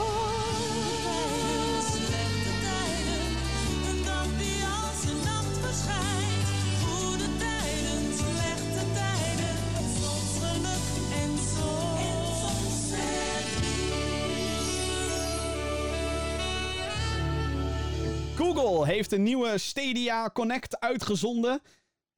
In deze presentatie zijn een aantal games onthuld die naar de dienst komen. Eh, Stadia is dus een clouddienst. Daarmee kan je een game spelen per direct, althans dat is de belofte. Eh, als je een game hebt gekocht of je hebt een game toevallig geclaimd van een abonnementsdienst Stadia Pro. Naast een handjevol indies komen games zoals PUBG, ook wel bekend als PlayerUnknown's Battlegrounds, Octopath Traveler, Zombie Army 4, Dead War naar het platform. EA die gaat Stadia ook officieel ondersteunen met vijf games dit jaar. Zo zijn FIFA en Madden al bevestigd en dan gaat het waarschijnlijk over de nieuwe. Star Wars Jedi Fallen Order komt ook naar de dienst, maar pas dit najaar. Ik denk ik eh, meld het nog even. Top man. Voor die drie mensen die Stadia nog gebruiken. Hè? Nou, het is nu gratis, hè. Het is nu gratis uit te proberen. Mits je bereid bent je creditcardgegevens bij Google achter te laten. Want dat is namelijk de enige manier hoe je nu de gratis twee maanden Stadia Pro kan activeren. Ik heb nog gevraagd eh, aan Twitter, aan degene die Google in Nederland runt, van yo, ehm, of die de PR in ieder geval doet, van yo, ehm, komen er nog meer betaalmiddelen naar de dienst? Of eh, geen antwoord? Mhm. Eh, want, eh, nou goed, ik heb, eh, was dat vorige week, een paar weken terug, heb ik al een dikke rant gehouden over hoe kut Stadia... Ja, was twee weken terug nu geloof ik. Maar het is toch fijn dat ze nu van 38 games naar nu al, denk ik, richting de 50 zijn gegaan. ja. Dus goed zo. Ja, voor de hard, gebruikers is het heel fijn. is hard nodig. Is hard nodig, die games. Hard nodig. En ik denk ook niet... Zeker dat er nu ook even wat goede titels bij komen. Ja, maar alsnog, ik heb ook wel zoiets van... Wie gaat er nou dit najaar nog Star Wars Jedi Fallen Order spelen op Stadia? Waar die waarschijnlijk dan voor de volle prijs, zeg maar... eh, Iedereen heeft het al gespeeld, man, die dit wilde spelen. dat is waar. Ja, en... je- Ja. Ja. Ja, ja. Maar, Ja, maar. ja, ja. Een jaar na release. Nou, kijk, weet je, een jaar na release kan je prima nog wel een game spelen. Daar, daar ligt het niet aan, weet je wel. Dat, dat, dat is het probleem, vind ik niet. Het is alleen zo dat ze het waarschijnlijk dan gaan releasen voor de volle map. En dat is een, wel, Ja. dat is een probleem, vind ik. nou ja, dat bedoelde ik met een jaar na release voor een volle map. Eh, eh, no, thank you. De enige die dat kan flikken is, eh, is Nintendo. Ja, ja, die games blijven 60 euro en die, die blijven verkopen op die 60 euro. En vandaar dat Nintendo geen reden heeft om die boel te veranderen. Dus dan weet je dat bij deze ook. Als je denkt, waarom doen ze dat nooit? Omdat het blijft verkopen. Nou, goed. Ik wens Stadia in ieder geval heel veel succes. Laat het me vooral weten wanneer ze een Ideal of PayPal optie eh, hebben. Want dan ga ik het uit nieuwsgierigheid nog uitproberen. Zo ben ik dan ook alweer. Ja, ik ook. Heb jij een vraag voor, Oh, sorry. Nou, wat zei je? Wat zei je? Laatste. Ik ook, denk ik. Top. Dat heb jij een vraag voor de show? Gaat hij er weer doorheen praten? nee, ho, dat is de delay door Discord, man. Oh ja, dat is waar, niet, eh, dat ben ik niet. Oké, ik hou nu mijn mond. Oké. Volgende onderwerp. Heb jij een vraag voor de show? Mail naar podcast.gamergeeks.nl En we hebben weer mailtjes binnen waarvoor mijn hartelijke dank. Ik vind het zo leuk dat de mensen naar deze show blijven mailen elke week. En ook ook steeds meer diversere namen te zien. We love you. Yes. Love you, Nobody loves you more than us. love you long time. Yes, yes. Ik weet niet, eh, ik hou even op met dit type. There's nobody that loves you more than we do. We need to like inject love into our Inject veins. love into our veins. And it will be cured in like a minute. It's huge. It's great. We hebben een mailtje van Olé. Eh, beste, Olé. beste Jim en Jesper. In de huidige corona-ellende heeft men over het algemeen veel vrije tijd. Ik niet, ik werk gewoon thuis, maar goed. Eh, jij ook trouwens. Eh, Jesper dan. Dit is natuurlijk een goede mogelijkheid om spellen waar je bij release geen tijd voor had, alsnog te spelen. Ik ben zelf in Luigi, Luigi's Mansion 3 gedoken. Mijn vraag is welke spellen waar jullie bij release geen tijd voor hadden, willen jullie nog eens oppakken nu je de tijd hebt. Eh, ervan uitgaande dat je die tijd hebt en niet alleen maar aan het werk of klussen bent. Groetjes. Ole. Nou ja, ik eh, ben dus heel erg, heel erg tempted om Red Dead Redemption 2 te gaan spelen. Ja, die is nu op Xbox Game... Of die komt naar Xbox Die Game komt- Pass. Die komt volgens mij op 5 mei, komt die. Was het niet 7 mei? Wat? 7 mei? Oh, Nou, le- dat let me google that shit. Ga verder met je verhaal. In, in mei. Eh, en ik ben heel erg verleid om dat te gaan doen. Maar ik weet gewoon dat als ik dat doe, dat ik gewoon, gewoon geen tijd meer heb voor andere dingen. Waarschijnlijk, ja. 7 Want ik- mei. 7 mei. Oh, Ja. 7 mei, Ja. oké. Eh, dus als ik tijd zou hebben, dan zou ik die game gaan spelen. Zou ik echt Red Dead Redemption 2 gaan spelen. Wat bij mij wel kut is, is dat het bij mij dus al gebeurt. En niet zozeer dat ik geen tijd had om Overwatch bij release te spelen, maar dat speel ik nu, weet je wel. Ondanks dat ik nog 50.000 andere games heb om te spelen. Mhm. Maar ehm, ja, bij release, ik, ik heb nog een hele stapel, joh. Maar ik wil daar wel echt aan gaan, weet je wel. Ik merk dat ik veel meer, of veel minder nieuwe titels oppak. En dat ik die stapel, die stapel staat me aan te staren. Zo De van, backlog. ja, Jim, speel mij. mee. Maar waar ik zin in heb om zeg maar te gaan spelen is Resident Evil 3. Die ligt hier nog. Gesealed en wel. Nog steeds. In de verpakking. Ja, nog steeds. Ik had hem ge, ge, gepreorderd en hij is binnen. Maar ja, nog in het folie. Eh, want ik ben nog bezig met deel 2. Dus daar heb ik heel veel zin in. Ik ga The Last of Us Remastered. Die ga ik zeker zeg maar, spelen voor, eh, voordat deel 2 uitkomt. Ehm, dat is echt een must-must. Die ga- staat echt bovenop mijn prio-lijst, zeg maar. Ehm, ja, verder heb ik gewoon zin om Concrete Genie en Medieval en dat soort games allemaal te spelen. Devil May Cry. Ik heb dat wel gespeeld toen het uitkwam, maar niet uitgebreid. Weet je wel, niet dat je er echt in bent ge- ge- gekomen of zo. En dan, Ja. dat is wel echt zonde, want ik heb die game nog. En Death Stranding is er ook zo eentje, maar nou weet ik niet of ik dat dan per se... Ja, heel... Hmm. Spreekt me niet heel erg aan of zo, om dat nog een keer op te focussen. Hm. Maar Nee, nee. die is overigens ook uitgesteld, hè? De PC-release daarvan. Ja, dat zag ik ja. Ook van juni ja- naar juli. Vanwege... You, you know naar jullie. Ja, je lul. Wat? Wat? zeg je nou weer, Jim? What? Eh, Wat? Ja. Maar ja, ja, ja oké, er is er eentje. Maar deze staat zeg maar op mijn zonderlijst. Zo van, hoe durf je? The Witcher 3. Dat is, zeg- dat is zeg maar een game. Dat is zeg maar ook een game. Als ik echt gewoon geen thuiswerk zou hebben en zo. Dan was ik daar waarschijnlijk inmiddels wel aan begonnen. Nou, dat zeg ik nu wel. Hm, gevaarlijke uitspraak. Maar Hm. dat is ook wel zo eentje eh, die ik nog steeds wil spelen. Maar ja, dat, eh, hm. Volgende mailtje van Ruben. Hey geeks, ik keek pas een video over Xbox Connect. En hoe erg dat een faal bleek te zijn. Eh, voor degene die niet weten wat het is trouwens. Kinect was een camera voor de Xbox 360. En dat was eigenlijk een poging om eh, ook casual te worden. Net zoals Nintendo. Dus je had, eh, PlayStation had de PlayStation Move. Nintendo had de Wii controllers, de motion controllers. En Xbox kwam dus met een camera die jouw beweging kon volgen. Een beetje vergelijkbaar met de iToy van de PlayStation 2. Maar goed, dan gaan we heel ver terug. Ehm, en ja, daar kwamen allerlei games voor uit. Een dikke marketing push van, vanuit Microsoft. Is het uiteindelijk niet helemaal gebleken. Eh, ondanks dat de Xbox One natuurlijk wel bij launch ook een Connect kreeg. Maar Mhm. ehm, ja, dat vond men ook niet zo fijn of zo. Dat je die verplicht in het begin moest, eh, moest aanschaffen bij de Xbox nee. One. Maar goed, eh, nu Ik heb zo'n ding gehad, zelfs. ja. Ja, ik bedoel, je kan ze volgens mij nog best wel krijgen. Zeker op Marktplaats en dat soort dingen. Ik heb hem nog, denk ik. Het ding was zelfs. best populair eigenlijk. Een, qua verkoopcijfers was het denk ik niet zo'n hele grote... Althans, de, die van de Xbox 360 was volgens mij geen grote faal. Het was alleen een soort... Ja, echt zo'n...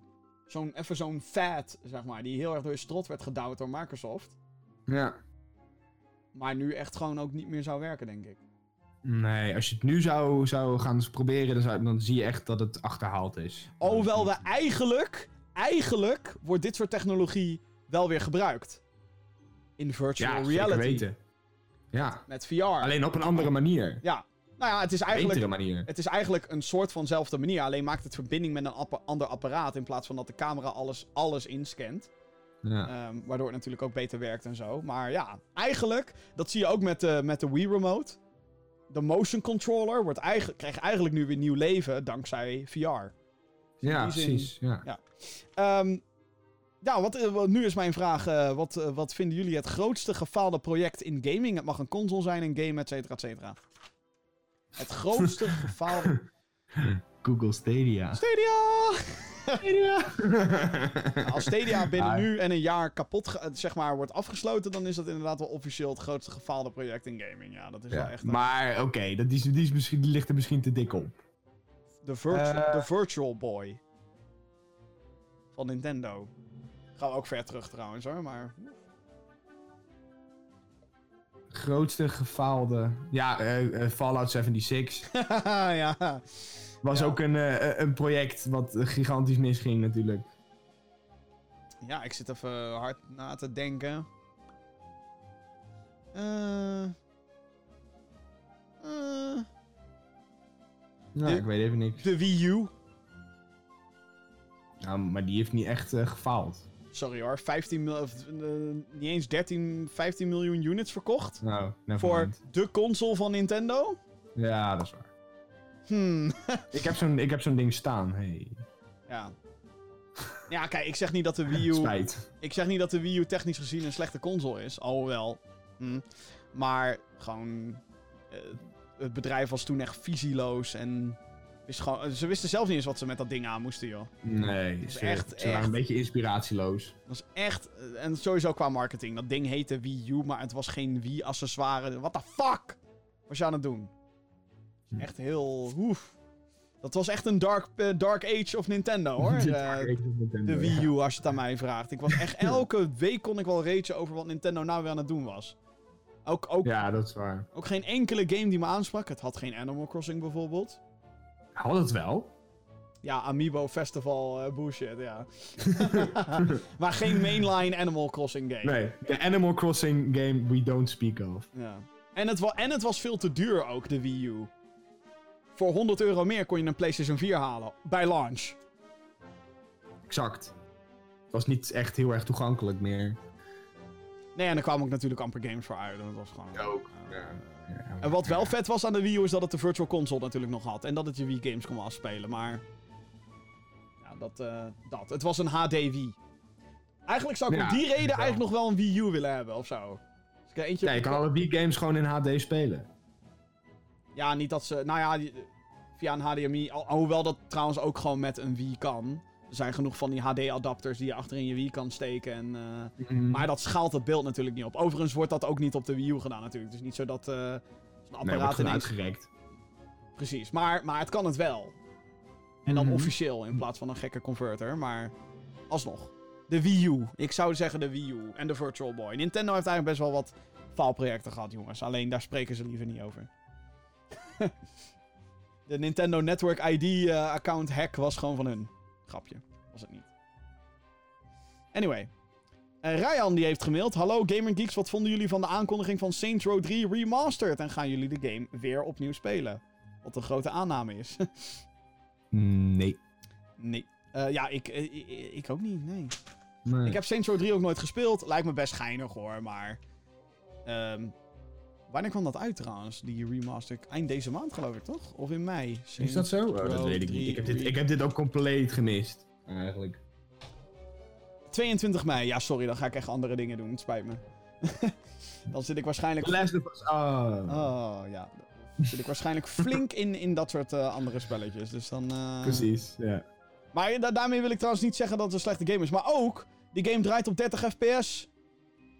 Ai. What the fuck is dat? Hallo? 30 fps?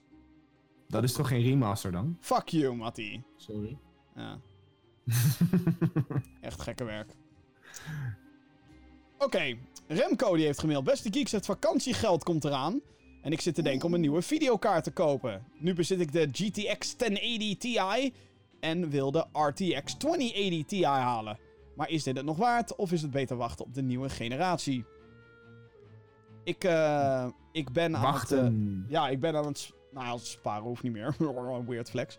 Eh, maar eh, ik en medegeek Jeroen Kamaon... die zitten heel erg te azen op wat Nvidia gaat doen. Want we willen beide een nieuwe PC gaan bouwen. Althans, Jeroen gaat mijn PC bouwen.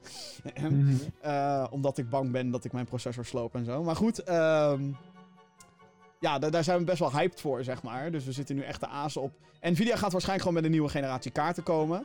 Eh, het ligt eraan wat je budget is, zou ik hierbij zeggen. Kijk, ik ben wel zo dat ik ik ben nu in zo'n positie dat ik zoiets heb van... Als ik een nieuwe PC nu in elkaar zet... Het moet niet... Kijk, weet je, je kan het zo gek maken als dat je wil met die PC's, trouwens. Eh, ik heb nu een bepaald budget, die is heel erg hoog.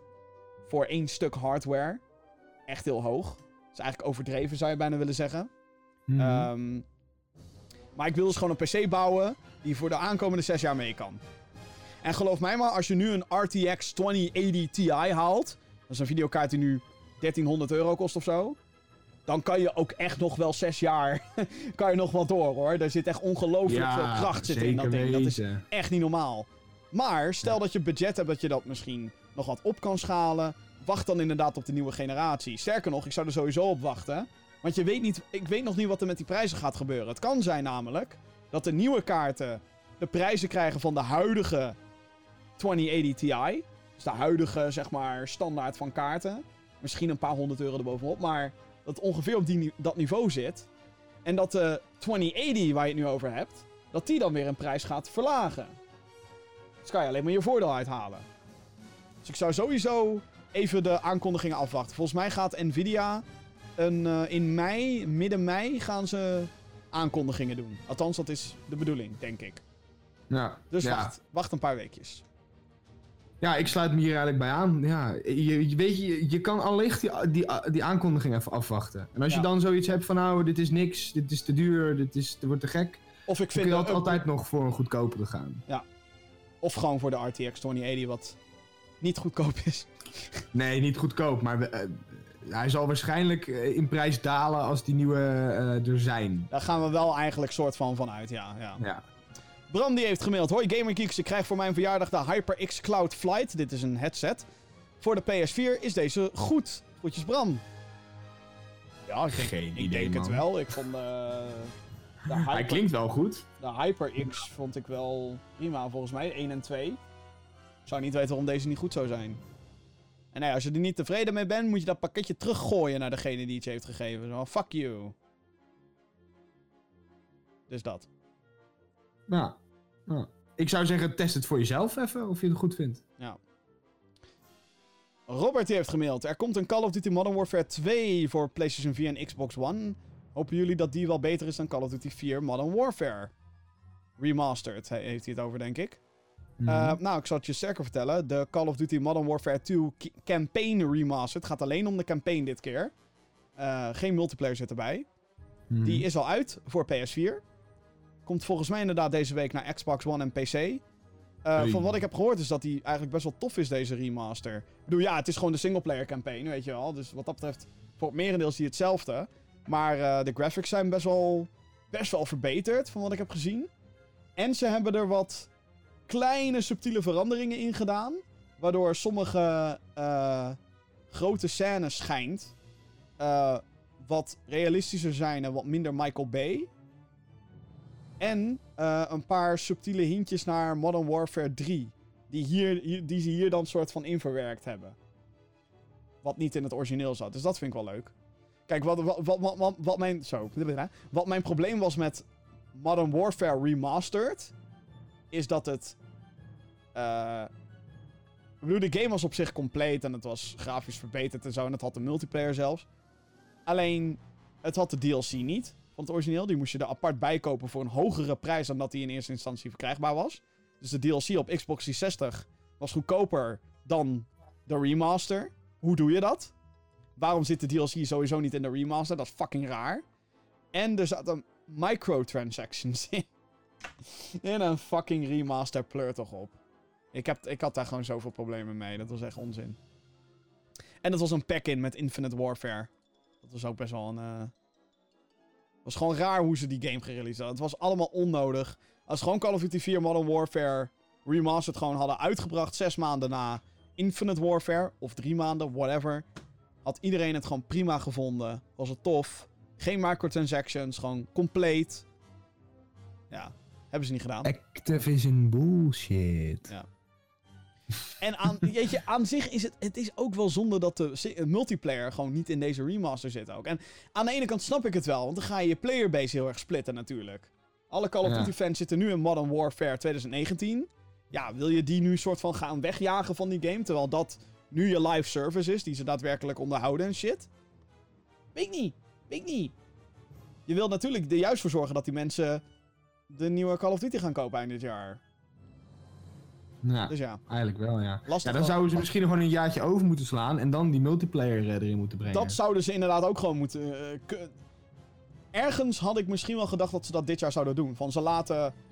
Wat eerst Call of Duty 2020 was, laten ze nog een jaartje verder ontwikkelen. En dan Mhm. brengen ze gewoon als volledige pakket Modern Warfare 2 Remastered dit jaar uit. Ja, Dat had eigenlijk, vind ik, een briljant plan geweest. Want het schijnt zo te zijn, als we Jason Schreier mogen geloven, gamejournalist. Dat de ontwikkelaar, of dat de ontwikkeling van de Call of Duty van dit jaar echt heel kut verloopt. oh. Dat dat zeg maar echt één groot eh, rotzooi is. En misschien zien we dat helemaal niet terug. Of spelen we dat niet meer terug. Weet je wel? Dat je er niks van merkt. Maar dat hopen we dan met z'n allen. Maar ja, dan zou ik als Activision gezegd hebben... Oké, we gaan Modern Warfare 2 Remastered gaan we nu compleet maken. En dat gaan we eind dit jaar uitbrengen. Maar Ja, precies. dat ben ik dan weer. Ik ben Activision niet natuurlijk. Nee. Eh, Nou ja, het, het had een goede, goede move geweest, denk ik. Ja. Laatste mailtje van eh, deze show. Hey, Servando hier. Hallo Servando. Wat vinden jullie van de nieuwe RTX-functie voor je microfoon? Ik ben er erg van onder de indruk en vind het knap dat zoiets eh, voor de live voice-over hebben kunnen maken. Oké, voor degenen die dit niet weten. Nvidia, de RTX heb je net al voorbij horen komen. Nvidia, dat is dus een videokaartbedrijf. Dat maakt videokaarten voor je computer. En RTX is, wordt voor het merendeel gebruikt voor je computer. Voor, eh, voor, voor je gra graphics. Raytracing. Dus een soort van real-time reflectie van licht. Ziet er fucking vet uit. Echt fucking vet. Ehm, van games die dat goed gebruiken. Maar er zit zeg maar zoveel rekenkracht in dat ze daar meer mee kunnen doen dan alleen maar graphics oppoetsen. Namelijk ook je audio. Dus wat ze nu hebben geïntroduceerd is als je zo'n kaart in je computer hebt, kan je dus een app of een klein programmaatje downloaden, een driver zeg maar, en die doet live aan ruisverwijdering. Dit is zo vet. Dit is ook zeker iets wat ik eh, misschien wel. Je moet een beetje afwachten wat het resultaat is qua, qua kwaliteit. Maar ik heb nu geen. Ik heb nu niet zo'n videokaart in de computer zitten waar ik deze podcast op opneem. Op zich vind ik trouwens dat deze podcast prima klinkt. Ehm, maar het houdt in principe in dat dus dat programmaatje met de rekenkracht van je dikke videokaart. Kan dus live achtergrondgeluid wegfilteren. Het is echt fucking vet. Iets wat je normaal achteraf in een audioprogramma of zo zou doen. Eh, dus dat betekent, ik heb ook filmpjes gezien van zo'n streamer. En die pakt dan zo'n hamer en die staat dan op zijn bureau te slaan terwijl die, terwijl die praat. Maar dan hoor je dus live. Je, je ziet hem met zijn hamer en dan zegt hij: Oké, ik doe nu de filter uit. En dan hoor je die hamer, zeg maar weer. Gewoon weggefilterd. Gewoon weggefilterd. In real time. Dat vind ik zo fucking ziek. Vind ik zo vet. Echt vet. Zo dat dat kan. Ja. Eh, eh, een paar mensen in de Gamer Geeks Discord channel hebben het ook zeg maar geprobeerd. En in sommige gevallen hoor je dan wel de typische artefacting of dat, een- dat is een beetje dat een beetje dan hoor je gewoon dat ehm, dat hij live probeert om achtergrondgeluid te verwijderen. Dus zeg maar ook als je ruisverwijdering in een audioprogramma doet en dat, dat die filter veel te hoog zet, dan krijg je ook een soort Ja, van een beetje, een beetje robot. eh, ja, een dan. beetje rare. Ik weet niet echt hoe ik het moet omschrijven. Het is alsof je soort van de, de bitrate heel erg naar beneden haalt, maar ook weer niet. Je merkt gewoon dat hij moeite heeft om alleen jouw stem dan vervolgens eh, nog eruit te krijgen.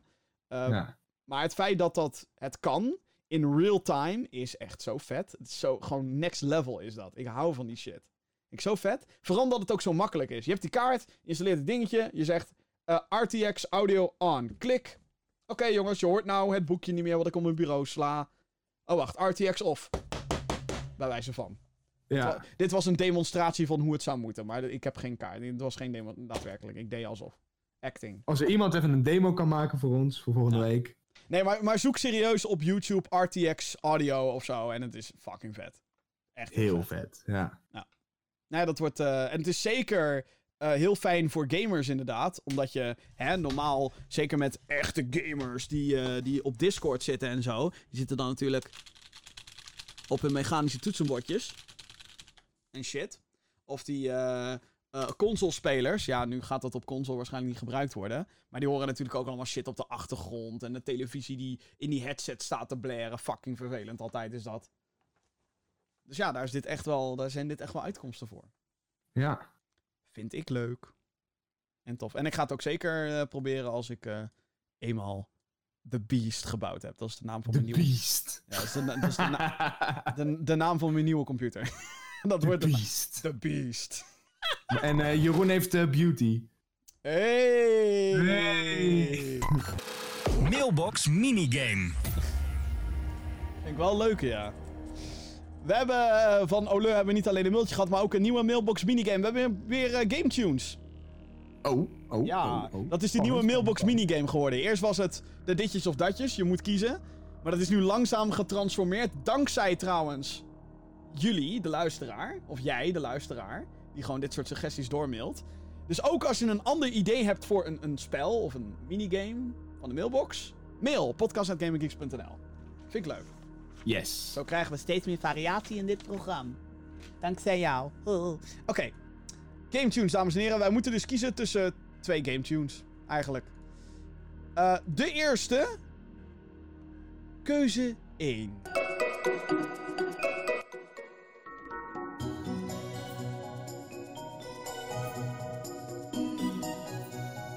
Dit is main menu Wie Fit. Oh, dat is het. Ik, ik, ik, ik herken het, maar ik wist niet waarvan. Nou, dan ben ik heel benieuwd wat de, wat de tweede keuze is. Ik denk dat ik wel een gokje kan wagen. Dit is de main theme van Ring Fit Adventure. Ik Nee, ga... ik vind deze toffer. Ja, ik ook, ja. ja. Ja. Dit, dit krijgt ook echt eh, meteen zin om te bewegen. Oké. Move die spieren. Je kan het. Yeah. Knijp in die ring van je. Oké. Stappen maar. Ja. Ja, Olga Commandeur komt er ook bij. Oké.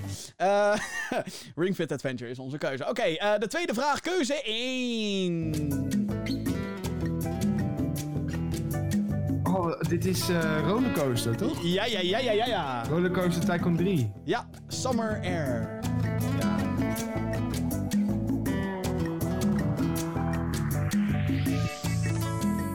Lekker Heel hoor. goed nummer. Ja. Zelf niet heel bekend hiermee, maar... Ik kan hier wel lekker op viben, denk ik. Ja, dat gitaartje, joh. Dat is echt leuk. Oké, Ja. tweede keuze. Ja, deze, Oh. deze wint nu al. Oh. Dit is Planet Deze- Coaster, de deze theme tune. song. Ja, deze wint. Meteen die vibe al, hè? Heerlijk nummer. Heel goed. Ik kan het echt op repeat luisteren. Dit is echt heel goed. You, ja. you Me en Gravity heet die, geloof ik. Oh ja. ah. Kijk Toch? hoor. Eh, ja, hier staat alleen maar in dit linkje staat alleen maar theme song. You, Me and Gravity heet die.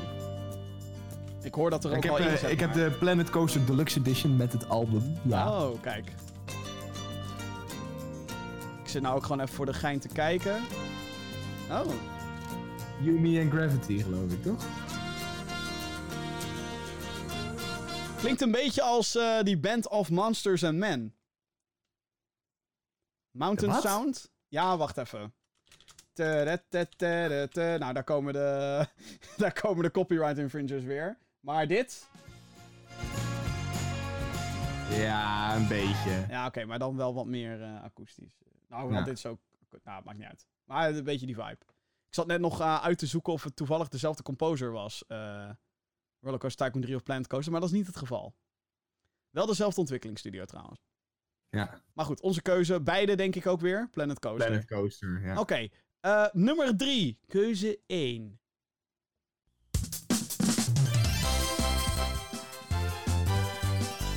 Eh, die Party DS. Ja, zo, zo. Dat weet je ook gewoon. Mario Party Ja. DS. Wauw. Ik heb deze game kapot gespeeld vroeger.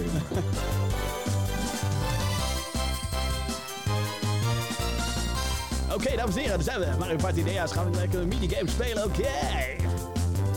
Een van de beste Mario Party games in mijn, eh, mijn optiek. Ja, maar je kan niet eens met z'n vier op de bank spelen. Want het is een DS-game. Tuurlijk wel. Altijd al- met, allemaal met een DS. eh. Ja, maar dat is toch niet... eh, Ach joh, maar iedereen had vroeger een DS. Ja, dat is wel waar. Letterlijk iedereen had Mijn een DS. generatie. Goed, iedereen had ook een Wii. Precies. Dan vind ik het zeg maar leuker om met vrienden op de bank naar één scherm te kijken met Mario Party dan... Ja, ach, maar dat is een beetje mierenneuken nu. Hoezo? Nee, dat is gewoon een concept van de hele fucking game. Vind ik. En daarnaast moest je dan ook vier verschillende DS'en hebben in één ruimte met vier verschillende Mario Party DS-cards. Dan is er één console met één game, maar dan vier controllers. Is dan een stuk makkelijker voor elkaar te krijgen. Ja, oké. En, die, eh, dat En dan heb je ook de party sfeer. Yeah! Yeah! Ik ga echt serieus, als deze coronacrisis voorbij is, ga ik mijn vrienden uitnodigen voor een potje Super Mario Party op de Switch.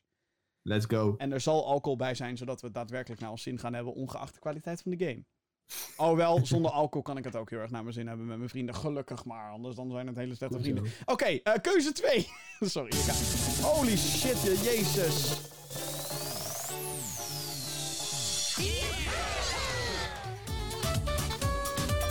Ja, dit zal wel een nieuwe zijn.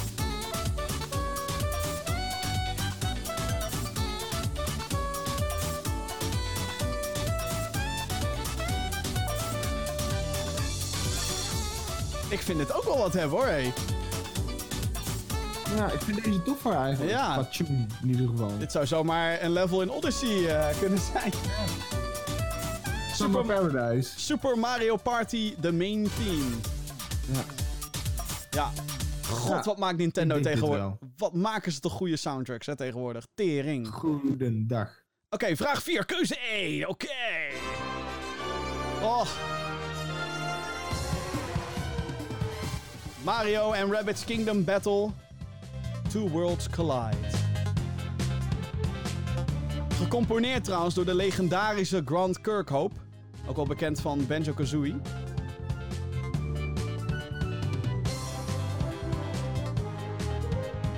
Dat is keuze Ja, 1. lekker.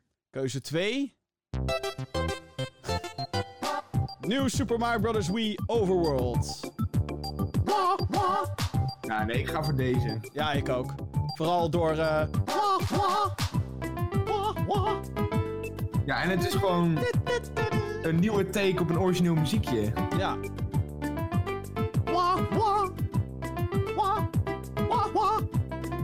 Ja, lekker hoor. Heerlijk. Ja. Oh, man.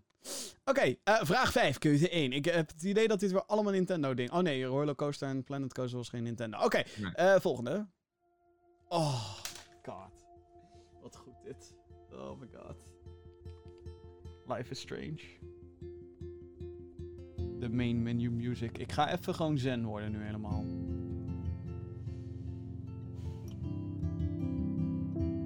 Oh man. Ik kan bijna janken weer gewoon. Wat een goede game eigenlijk. Wat een mooie game.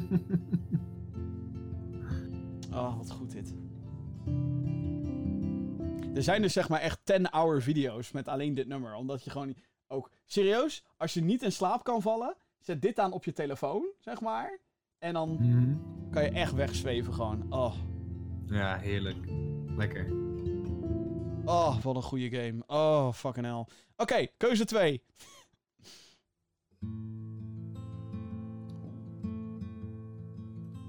Zou je niet verbazen. Life is Strange 2. Ook een beetje main tune eh, dit. Ja, een beetje vergelijkbaar zijn ze ook wel, hè? Ja, ja, heel erg. Maar ik ga dan zelf voor 1. Maar ja, dat is- Ja, ik ook, denk ik. Oké. eh, vraag 6. Keuze 1. Oh, video unavailable. Dat is Oh. lullig. Nou, Eh, keuze- nou top dan. Keuze 2. Video unavailable. Nou, dat was eh, vraag 6. nou, eh, keuze 2. Keuze 2, denk ik. nee, nee, keuze 2. Die is ook unavailable. Ja, nee, maar keuze 2 vind ik. Die Oh, ja, nee. Ik, eh, even kijken hoor. Er staat... Bij keuze 2 staat er... This video is no longer available because the YouTube account associated with this video has been terminated. En de andere is removed by the uploader. You have been terminated. Dan ga ik voor terminated. Oké, vraag ze. hopelijk is nu wel alles. eh, of zijn wij gewoon offline gegooid? Dat kan ook natuurlijk. Ah, ja. Oké, eh, volgende vraag. Eerste keuze.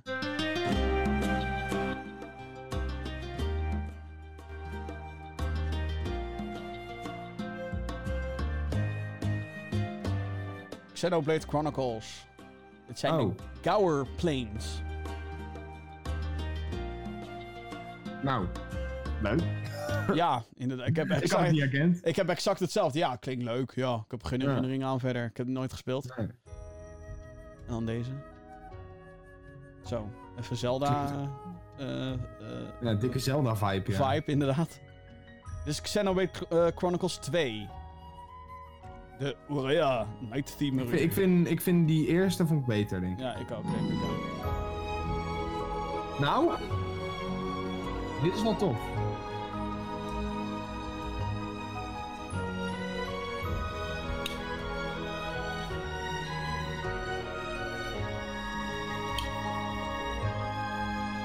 Ik eh, blijf hier een beetje neutraal en ik heb geen idee. Nou, ik vond twee toffer. Oké, dan ga ik met Ja. je mee. Twee. Oké, we zijn er bijna vraag 8. Keuze 1. Ja. Eh. Wat zou dit nou zijn? Eh, Doom 2016. De. Ja. Introductietheme eigenlijk, soort van. Ook een beetje een remake van eh, de level 1 muziek van het originele Doom. Ik zal een beetje skippen. Oh, te ver doorgeskipt denk ik. Nee. Oh. Ah, kijk, daar is die.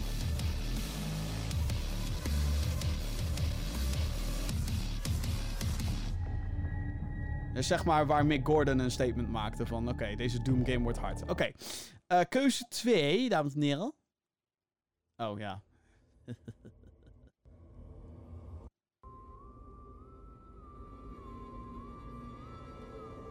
Dit is Doom Eternal, zal je niet verbazen. Nee.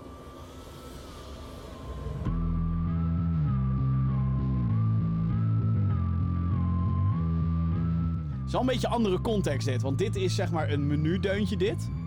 Dit krijg je Ja. als je de game opstart en in het main menu bent. En dat wat we net hoorden, dat was echt zeg maar een soort introductiemoment in de game zelf, weet je wel. Een Ja, hele precies. andere vibe van wanneer dit afgespeeld wordt ook en zo. Maar goed, ja, welke vind jij beter? Twee. Ja, oké. ja. Ja, ik vind, ik, ik vind ze niet echt goed met elkaar te vergelijken eigenlijk. Maar dat komt omdat ik natuurlijk weet in wat voor contexten in die games Ja. zitten. Ja. Overigens heeft Doom Eternal ook zeg maar de eerste keuze, maar dan met een nieuwe remix. Oh, zo vet. Oké, eh, volgende.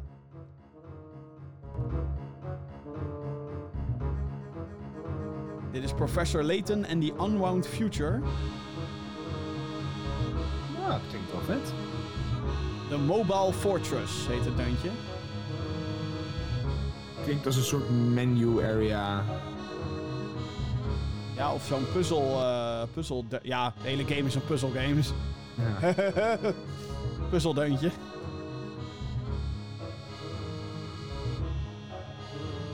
Oké.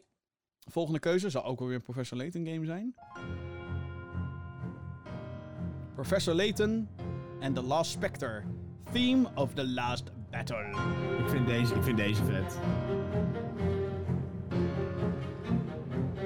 Deze is, deze is leuker, ja. Ja, vind ik ook.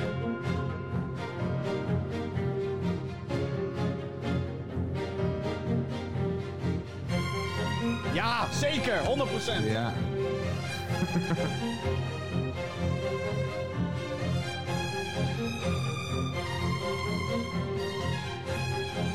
Heel tof. Oh, man. Oké, nou, duidelijk, de tweede.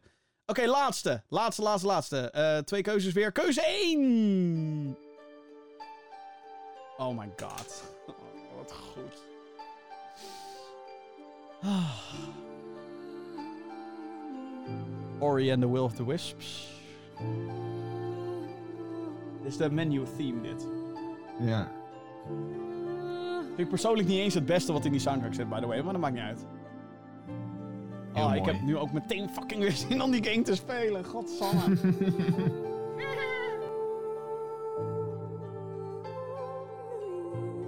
oh man, haal me weg hier. Godsamme. Oké, keuze 2. Vraag me af. Orient, denk ik? Ja. Dit is Ori and the Blind Forest. Nee, ik ga voor één in deze, denk ik. De eerste keuze of deel 1? Nee, eh, de eerste keuze. Oké, ja. Dus voor Will of the Wisps. Ja. Ja, ik vind, vind ze allebei prachtig. Ik vind ze allebei misschien iets te similar ook of zo. Even kijken weer terug naar die andere. Ja, een, be- een beetje dezelfde instrumenten wel. Ja. Dezelfde geluidjes. ja, ik vind ze allebei prachtig. Ik vind ze allebei gewoon prachtig. Gareth Cooker, je bent een held. It's a tie. Wat mij betreft wel. Maar ja, ik ben... eh, ik, vind de, ik vind overal de soundtrack van de tweede wel echt beter. Gewoon. Gewoon... eh, ah, het is zo mooi! Zo fucking mooi! Ga die fucking game spelen. Jesus, ik moet ook weer doorspelen. Godsamme. Ori and the Will of the Wisps, dames en heren. En daarmee, met dat prachtige stuk muziek die ons waarschijnlijk meer juridisch gezeik gaat opleveren en een YouTube Ja, copyright nou, dat claim. sowieso. Maakt ons geen donder uit, jongens. We doen het. Thanks, eh, Ole. Ja, voor weer een eh, mooie compilatie aan game tunes allemaal. Ja. Ehm, ja, dit was, eh, dit, dit, we zijn richting het einde gekomen van deze 128ste aflevering van de Gamer Geeks podcast. Deze podcast kan je natuurlijk checken op je favoriete podcastdienst. Dat kan je volgen op Spotify, Google Podcast, Apple Podcast. Abonneer je ook op deze show als je dit enigszins leuk vond. Dat je denkt, nou dit wil ik elke week in mijn oren. Dat kan, doe dat dus ook. Kan je een recensie achterlaten op die podcastdienst? Doe dat dan ook vooral. Vijf sterren, daarmee help je ons heel erg om in de hitlijsten te komen. En ja, hoe meer zielen, hoe meer vreugd, zeg ik dan altijd. Zeker Daarnaast weten. hebben we... Ja, exact. Daarnaast hebben we een videoversie, die kan je zien op youtube.com slash gamergeeksnl. En we hebben nog meer videocontent. Die kan je allemaal vinden op gamergeeks.nl. Eh, onder andere een ASMR-video van onze Jordi. Die doet dan ASMR Fortnite. En er komt ook nog een nieuwe aan. Jeppie, jij hebt een game gereviewd, Close to the Sun. Jazeker. Die moet je ook gaan checken. En een nieuwe maand staat natuurlijk voor de deur, de maand mei. Dus dat betekent ook dat er weer een release-overzicht komt met de meest opvallende titels in Gamer Geeks Next. Ik zou dat aanraden. Daarnaast komt er ook nog een recensie van ondergetekende mij. Elderborn komt er ook nog aan. Ge- oftewel, genoeg content Genoeg te zien en te beleven. op gamergeeks.nl. Zeker weten. Jeppie, super bedankt dat je er weer bij was vandaag. Vanavond. Het was weer, het was weer genieten, Jim. Vannacht. Het was weer genieten. Zeker. Dit was de 128e aflevering van de Gaming Geeks podcast. Hartstikke hartelijk bedankt voor het luisteren en heel graag tot de volgende keer. Ciao, Bella.